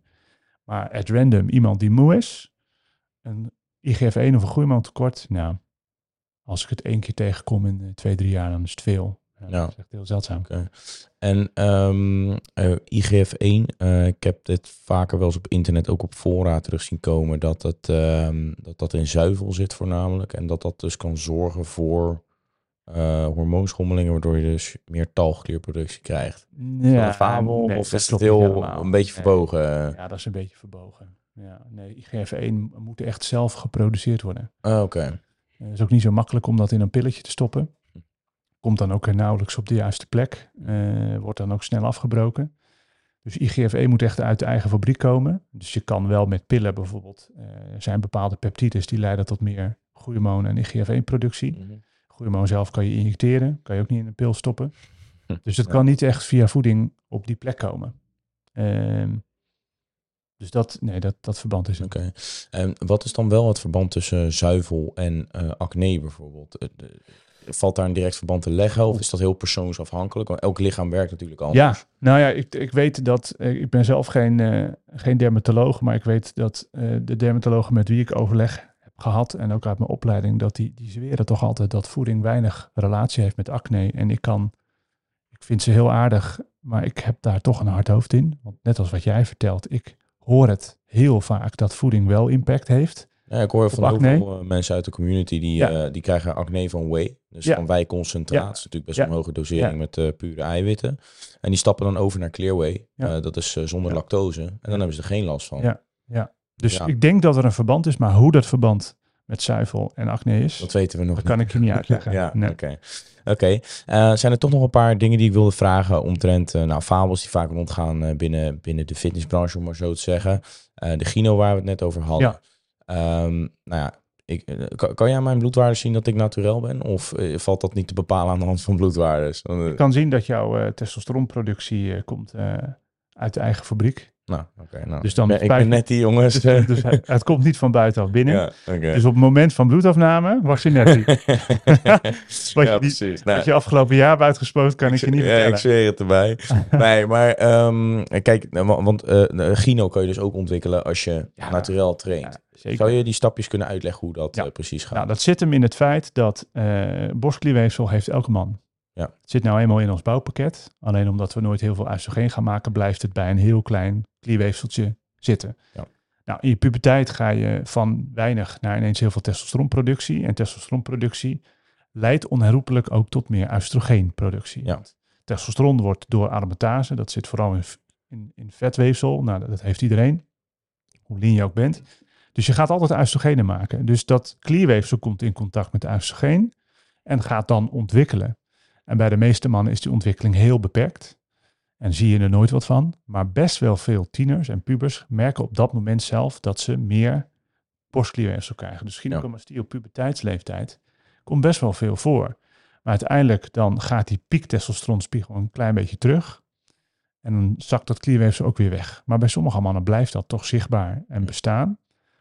Ehm, dus dat is punt 1.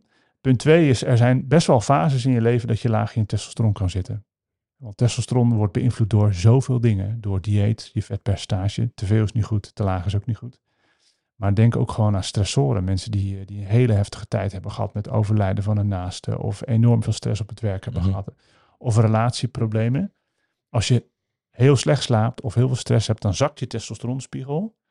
En dan gaat de verhouding ten opzichte van het oestrogeen, die wordt ongunstiger.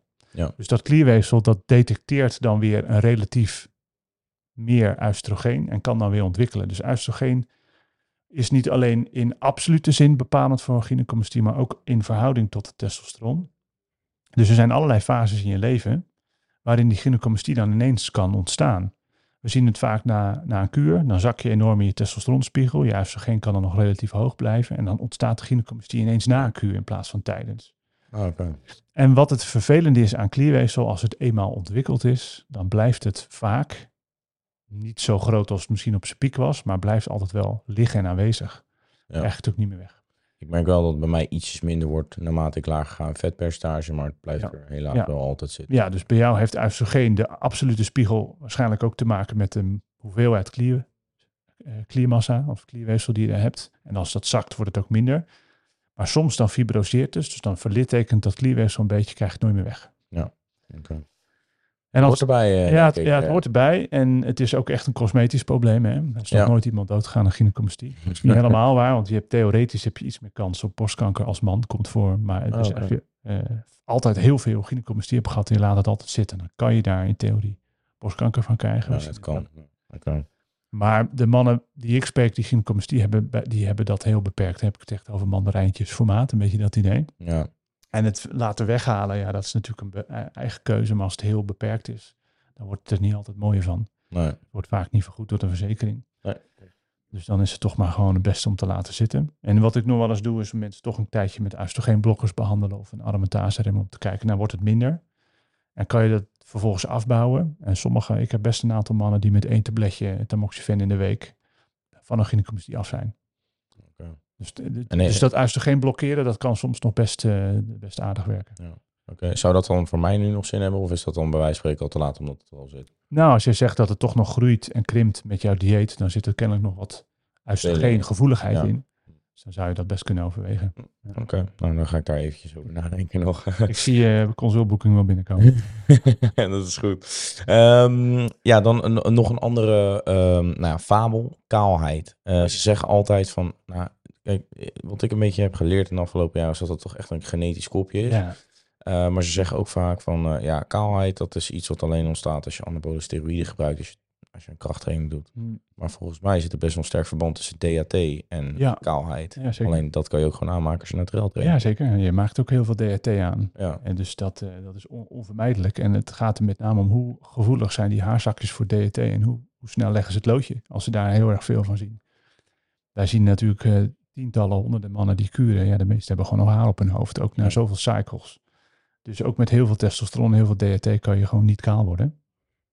En dat zit hem denk ik met name gewoon in de onderlinge gevoeligheid voor testosteron en ook de aanleg om kaal te worden. Ja. Er zijn mannen die zijn kaal op hun dertigste en sommigen pas eh, ja, helemaal aan het einde van hun leven. En dus dat, er is wel een verband hoor. Dus we zien wel dat mensen die anabolen gebruiken, dat dat, dat natuurlijke verkalingsproces versneld wordt. Ja. Dus dat heeft er wel mee te maken. We hebben ook wel mensen die, die ontwikkelen een soort van eh ja, algeheel haarverlies. Dus niet alleen op de plekken waar mannen kaal worden bij de inhammen, Mhm. Achter op de kruin, maar gewoon all over. Maar dat is dan niet echt DHT gerelateerd. Dat noemen we effluvium. Dat wil zeggen dat een grote hormonale shock in je lijf kan ervoor zorgen dat je tijdelijk heel veel haaruitval hebt. Dat het echt met bosjes tegelijkertijd uitvalt. Oké. En we zien dat ook wel eens na een, eh, ik noem maar wat, na ernstige ziekte of na een burn-out. Als er gewoon grote impact op je leven is geweest. Mhm.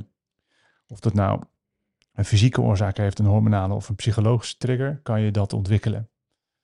En dan kan het echt tot kaal aan toe hoor, dat zien we niet zoveel, maar wel dat je echt denkt, wat, wat is dit, hoeveel haar kan er uit mijn hoofd komen? En dat herstelt over het algemeen weer. Oké, en dan ga ik even een, eh een gedachtespinsel uit. Hè. Ehm, als je meer krachttraining doet, kan je meer natuurlijk testosteron aanmaken, toch? Of omdat je je lichaam meer actief aanzet, dan Ja. is dat in theorie Ja. mogelijk. Nou ja, ja, ja, dat en het fitter zijn, beter in je conditie Ja. zitten, slanker zijn, goed op je voeding letten, beter slapen. Dat zijn allemaal factoren die een klein beetje dat testosteron kunnen opkrikken. En dus eh, als je meer testosteron hebt, maak je in theorie meer DHT aan, Ja, goed is. ja. Dus je zou kunnen zeggen dat als je een krachttraining gaat doen, Ja. dat je dan eerder kaal kan worden als je er aanleg voor hebt. Ja, maar dan zou je dus ook moeten stellen dat iemand die afvalt ook sneller kaal wordt. Want dan ga je ook veel meer testosteron maken. En die Oh. verschillen zijn veel groter. Dus ik, volgens mij binnen de, de no- normale range, zeg maar binnen de, de normale productiecapaciteit van de mens aan testosteron, zijn die effecten echt heel beperkt. Zou je een, eh, een, een, een, nou, een, eh, minimale ondergrens kunnen geven voor qua vetpercentage, wat eh, als natuurlijk trainer, Ja, ja. dat je daar beter niet onder kan gaan zitten? ja dat is Want moeilijk. er zijn sommige mensen uit de community die gaan tot 8, 7 procent op natuurlijke basis. Ja. Dat is vrij laag. Ja, ja, dat klopt. Ja, goed, het is moeilijk om daar getal op te geven. Ja, maar als ik zou even zeggen onder de 10%, dan Ja. kom je wel in de zone van vetpercentage waarbij het verlies van vetmassa je testosteronproductie weer gaat verhinderen. Ja, Te veel vet door te veel oestrogeen zorgt voor minder testosteronproductie, maar te weinig vet En dat komt een beetje door een soort van ingebouwd mechanisme van je lijf om in periodes van stress onder voeding zuiniger te doen met je bazaal metabolisme, met je energie. Dan schakelt je schildhormoon, je cortisol en je testosteronproductie een beetje terug, spaart de energie uit. Ja. Het is gewoon een adaptatie van je hormonale systeem aan hele lage vetpercentages. Combineer dat met excessief veel trainen. Dus dat maakt dat als we op een, uh, op een bodybuilderwedstrijd waar alleen maar netties staan, die helemaal laag in de vetpercentage zitten, echt zwaar getraind hebben, als we daar testosteron gaan prikken, dan zou bijna iedereen recht hebben op TRT. ja. Dat is, Ja, dat is, waarschijnlijk en, maar dat inderdaad. maakt het tegelijkertijd ook zo ontzettend knap dat zij staan daar Met zo'n... met zo'n fysiek, die eigenlijk voor een belangrijk deel gestoeld is op een gezond testosteron, eh, metabolisme of stofwisseling, maar wel op het laagste moment van een testosteron dat je maar kan bedenken.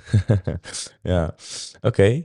Ehm, ja, dan nog één, eh, nou ja, laatst, of in ieder geval eh, om, in het kader van de hormonen. Ehm, hoe kan je als man zijn op natuurlijke basis je testosteron verhogen? Nou, daar heb, dat, ik denk dat het meestal aan bod gekomen is. Dat je, Ja. dat je een gezond vetpercentage, goede slaap, gevarieerde en afgepaste voeding, eh, met goede conditionele training, eh, krachttraining natuurlijk zelf ook. Ehm, dat zijn de belangrijkste. Stress is ook een slechte. En we weten dat sommige medicijnen, dingen die niet iedereen gebruikt, maar bijvoorbeeld morfine, kan echt wel enorme klap geven op je testosteronhuishouding. Eh, dat, zijn, dat zijn de pijlers van een gezond testosteron. En toch in belangrijk mindere mate veel minder afhankelijk van supplementen. Want er zijn natuurlijk heel veel testosteron boosters en fytoöstrogenen en Wer- Werken die testosteron boosters? Ja.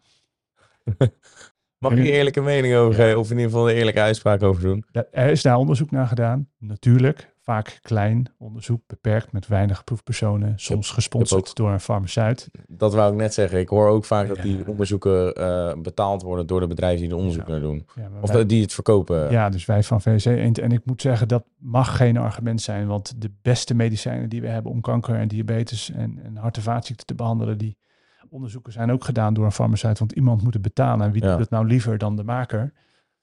En daar wordt enorm op geaudit. Dus daar zitten echt inspecteurs bij die onafhankelijk zijn, die echt ervoor zorgen dat het volgens de regeltjes verloopt. Dus ik vind het wel anders als het grote studies zijn, fase 3, fase 4 studies van farmaceuten, die dat wel betalen, maar helemaal geen invloed kunnen hebben bijna niet op de uitkomst. Maar voor studies van 30, 40 man, die minder gecontroleerd zijn, ja, daar zit natuurlijk echt wel een bias in als dat gesponsord wordt door farmaceuten. En dan zijn de effecten die daarop gezien worden op het testosteron ook heel dubieus en twijfelachtig. En minimaal bedoel je Ja, minimaal. Ja. En dan denk ik, ja, als je echt per se iets aan je testosteronspiegel wil doen, daar Gezonde hebben we veel. Ja, gezonde leefstijl. En als je dan echt met middelen wil gaan doen, dan kan je dat gewoon met veel betere middelen doen Ja. met een aromatase-remmer, met heel klein lage doseringen, heel weinig. Of oestrogeenblokkers, die kunnen je testosteron best wel aanzienlijk verhogen. Wij, wij doen dat wel eens als mensen moe zijn of weinig libido hebben en zeggen ik twijfel over mijn testosteron, is maar 12, is dat echt niet te laag. Dan geven we ze wel eens zes weken anastasol of zes weken Nolvadex. Dan gaat de spiegel van, van 12 naar 30. Dat is best wel spek. Dan denk ik ook van ja, daar zit je dan met je ashwagandha en je tribulus. En eh, je neemt zes weken anastasol. En je testosteron gaat drie keer over de kop. Dat is echt Maar verhoging. Ashwagandha echt averechts. Zeg maar, eh, Ja. het heeft mij juist voor libido-verlaging gezorgd. Nou, Dus ja, maar misschien eh, was er ook maar weinig te optimaliseren. Ja, ja, waarschijnlijk wel inderdaad. Maar ja, ik dacht, ik ga het maar testen. Ik ben toch proefkonijn, dus... Dus dan, eh, ja, en, en kijk, dan als ze dan terugkomen en zeggen ik voel me helemaal fantastisch, mijn libido is terug, dan denk ik ja, daar is wel wat te winnen. Maar dat is op veel gezondere wijze dan met THT en veel duurzamer. En je kan uiteindelijk ook afbouwen en kijken wat er nog blijft van al die positieve effecten zonder die middelen. Ja. Dus dat is een veel interessantere manier om daar te sleutelen dan met al die supplementen die veel kosten. En, ja. Dan Misschien een klein beetje- Een goede bloedtest en ja, dat denk, nou, dat denk ik wel. En ehm, het, er zijn altijd mensen die zeggen, ja, voor mij werkt het wel. En er zijn altijd mensen die zeggen, ja, voor mij werkt het niet. Tel die bij elkaar op, dan is het Ja. netto resultaat waarschijnlijk nul. Ja, precies. Oké. Zijn er nog bepaalde onderdelen van de bloedtest die we nog niet besproken hebben? Eh, ja, waar ik het altijd graag over heb, is eh, lipide, cholesterol. Cholesterol natuurlijk. Ook een belangrijk onderdeel waar vaak een soort eh, rode vlag boven hangt, omdat mensen bang zijn voor een te hoog cholesterol. Ja, nou en dat is, eh, de, de reden is dat hart- en vaatziekten zijn volksziekten nummer één. Als je kijkt naar het aantal sterfgevallen, Mhm. hartinfarcten, beroertes, gescheurde aorta's, dementie. Dementie is voor een heel groot deel, ja, je hebt Alzheimer natuurlijk, maar je hebt ook vasculaire dementie. Dus dat is de dementie die ontstaat door vaatschade aan het brein. Dat is by far volksziekte nummer 1 en doodsoorzaak nummer 1. Kanker komt in de buurt. Maar daarvan denk ik, daar is toch echt wel een heel groot deel leefstijl en toxisch afhankelijk. Als we alleen maar roken uit onze maatschappij zouden verbannen, zou die kloof tussen hart- en vaatziekte en kanker echt immens groot zijn. Dus als we iets willen met onze gezondheid, longevity, healthivity, als we lang en gezond willen leven, dan moet je hart- en vaatziekten voorkomen. En dan komt opnieuw dat hele gesprek over leefstijl en goede voeding en uh, conditioneel op orde zijn. Uh, komt aan bod.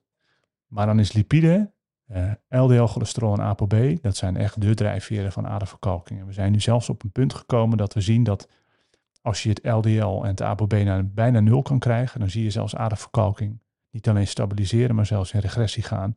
Dus wat mij betreft is dat echt de sleutel tot een lang en gezond leven.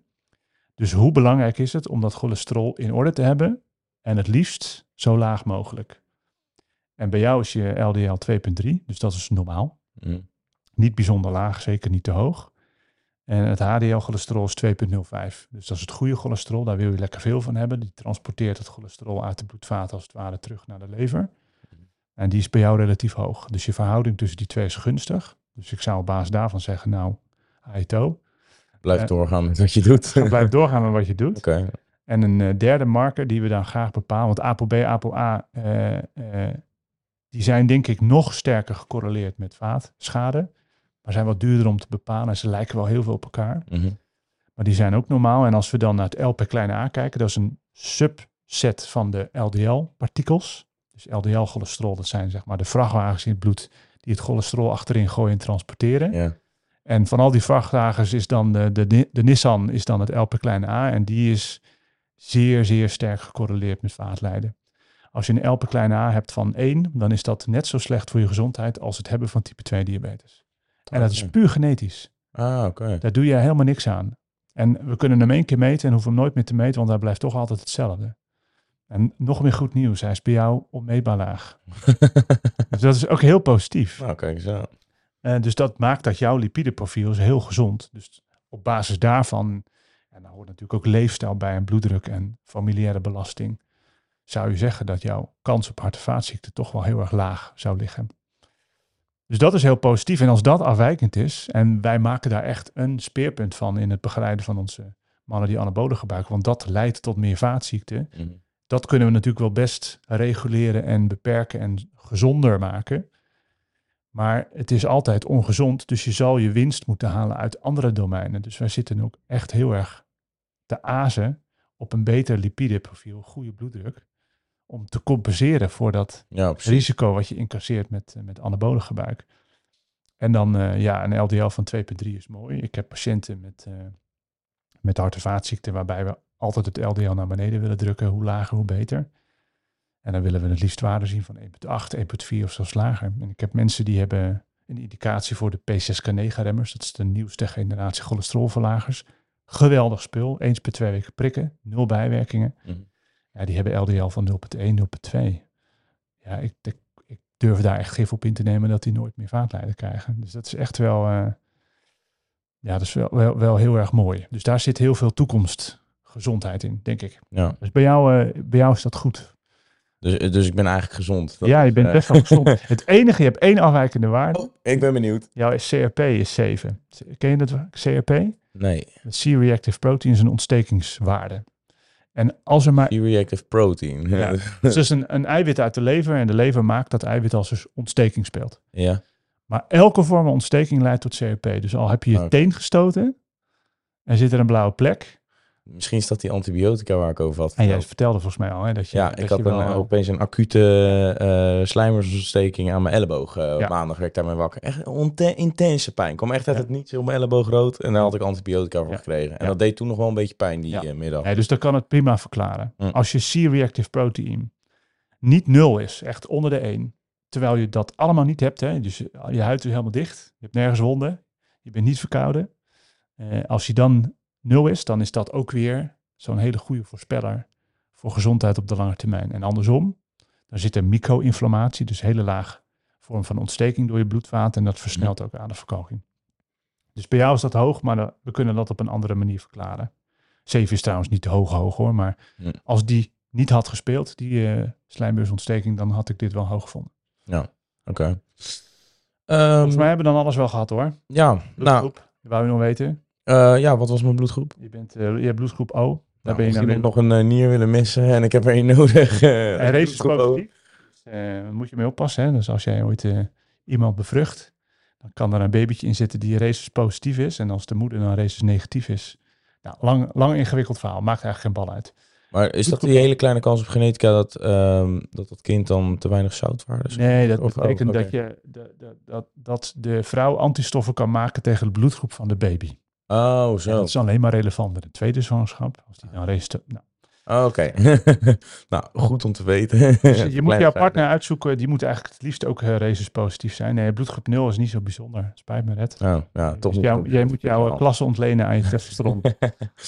Dus we kunnen, eh, of in ieder geval, ja, het is natuurlijk heel makkelijk om te zeggen op basis van één bloedtest, uh, Ja. het in elkaar steekt. Alleen Het is kijk, maar een ik, deel van het geheel. ik train, uh, ja, ik train dan zes keer per week. Ik uh, eet eiwitrijk. Kan je stellen dat dat een gezonde levensstijl is? Ik denk het wel. Ja. Ook voor de lange termijn juist. Ja. En eigenlijk ook krachttraining voor de rest van je leven blijven doen. Ja. Om maar zo Als jij van de anabolen afblijft voor je, voor je 100. Daar ben ik sowieso principieel op tegen. Maar misschien op latere leeftijd overweeg ik heel misschien TRT. Maar dat is puur Ja. voor kwaliteit van leven. Maar deze de kans is relatief laag dat dat dus... eh, Als jij de helft kwijt bent, ben je nog steeds normaal. ja, precies. Want um, dat is het laatste onderdeel wat ik wil bespreken in deze hele leerzame podcast. Ik ben er super blij mee, omdat het gewoon echt uh, super leerzaam is. Dus bedankt daar sowieso voor. We noemen het een testosteron-epidemie. De laatste jaren is natuurlijk het testosteron in mannen uh, aanzienlijk afgenomen. Ja, ja. ja. Um, vind jij dat zorgwekkend? Uh, ja, en ik denk, ik moet het wel nuanceren. Want de testosteronmetingen die we 30, 40 jaar geleden deden, deden we met andere testen dan we nu doen. Hmm. Je moet het zo zien, testosteron meten. Je, je kan niet met een test precies alleen die testosteronmoleculen eruit vissen. Mm -hmm. Vroeger maten we testosteron en dan maten we ook de testosteronachtige hormonen die daar een beetje op leken. En die gooiden we allemaal op één hoop en dat was je testosteronspiegel. Dus nu meten we zuiverder. Dus je meet een echt alleen maar het pure testosteron. En die spiegel is natuurlijk lager, lager want de rest zit er niet bij. Ja. Dus daar moet je rekening mee houden. Dus dat, dat, dat vertekent een beetje die populatiestudies die zeggen, ja, ons testosteron zakt po po population-wise. Maar het klopt denk ik wel.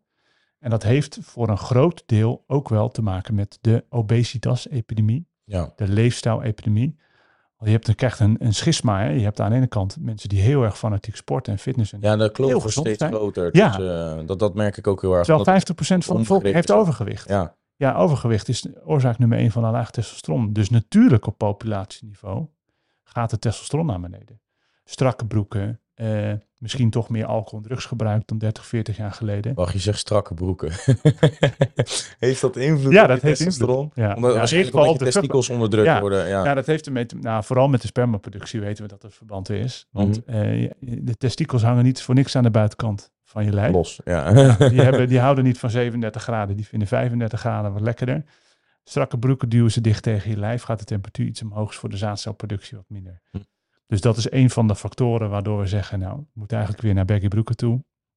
Want uh, dan hangen die ballen weer een beetje op de juiste zone. Um, nee, dus ik denk wel dat dat speelt, maar ik denk dat, dat, de, hè, dus dat, dat, dat we steeds lagere testosteronspiegels hebben, maar ik denk dat dat ook gewoon goed vanuit andere factoren en leefstijl te verklaren is. En niet dat ja. er iets met onze productiecapaciteit mis is. Het is Ja. niet alsof onze teelballen van andere kwaliteit zijn dan 40, 50 jaar geleden. Alleen de omstandigheden waarin die teelballen functioneren, die zijn gewoon minder goed geworden. Ja. Dus als wij onze demografie zouden veranderen en naar een gezondere leefstijl zouden gaan met z'n allen, dan zouden die getallen al heel anders worden. Dus de kans is denk ik best wel aanwezig dat bij onze doelgroep, uh, dus fitnessers... Dat veel minder speelt. Ja, inderdaad. Dus dat Ja. uh, dat, dat op, uh, nou, juist een omgekeerd. veel kleiner percentages. Ja. Misschien zijn zij juist de tegenwerkende factor waardoor het gemiddelde niet... op Ja, precies. Dat het niet helemaal drain is. Ja. Oké. Ehm, ja, ik denk dat we dan eigenlijk wel zo'n beetje alles hebben besproken. Ik, eh, ik heb zo superveel geleerd vandaag. Ik vind het, eh, dat, ik, ik vind het helemaal top.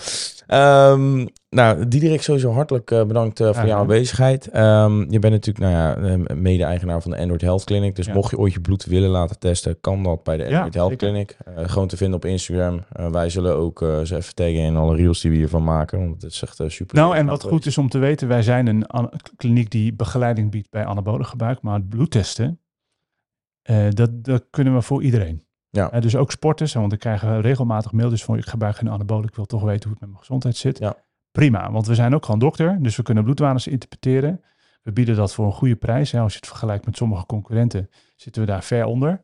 Ja, want jullie willen iedereen kunnen helpen. Nou ja, we, ja, we hebben liever heel veel mensen eh, voor, een, voor een lage prijs, dan dat we, een dat we een enorme hoge prijs neerzetten en zeggen, nou dan pakken we een elite, verdienen we net zoveel, hoeven minder hard te werken. Ja. Onze missie is anabolen gebruik in Nederland gezonder, veiliger en verantwoorder te maken.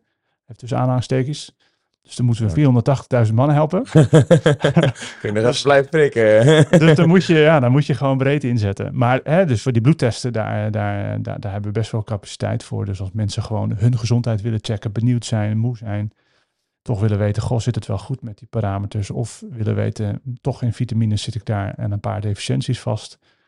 Wees welkom en vraag een offerte aan eh, via onze website. Top. Nou, eh, beste groeimaten, eh, hartelijk dank voor het beluisteren van deze aflevering. Ehm, we zouden het heel erg waarderen als je even een review achterlaat eh, op Spotify of op YouTube. Volg ook even de Android Health Clinic op, op Instagram. Oh, heel fijn. Ik denk dat er heel veel interessant... Ik zie ook heel veel dingen waar ik ook weer van leer. Ook met nou, hardfilmpjes, et cetera. Ja. Dus, ik vind het reet interessant om er meer over te leren, maar dat ben ik. Ehm, vergeet ook niet om de Sportpoeder app te downloaden om, nou voor de supplementen die je dan nog aanschaft, om niet de lekkerste korting te halen. Eh, want zo blijf je altijd op de hoogte van de, van de lekkerste korting. En eh, Diederik, ik geef je even de hand. Hartelijk eh, bedankt voor jouw aanwezigheid. Ja, absoluut. En eh, nou, tot de volgende keer weer. Alright. Tot ziens.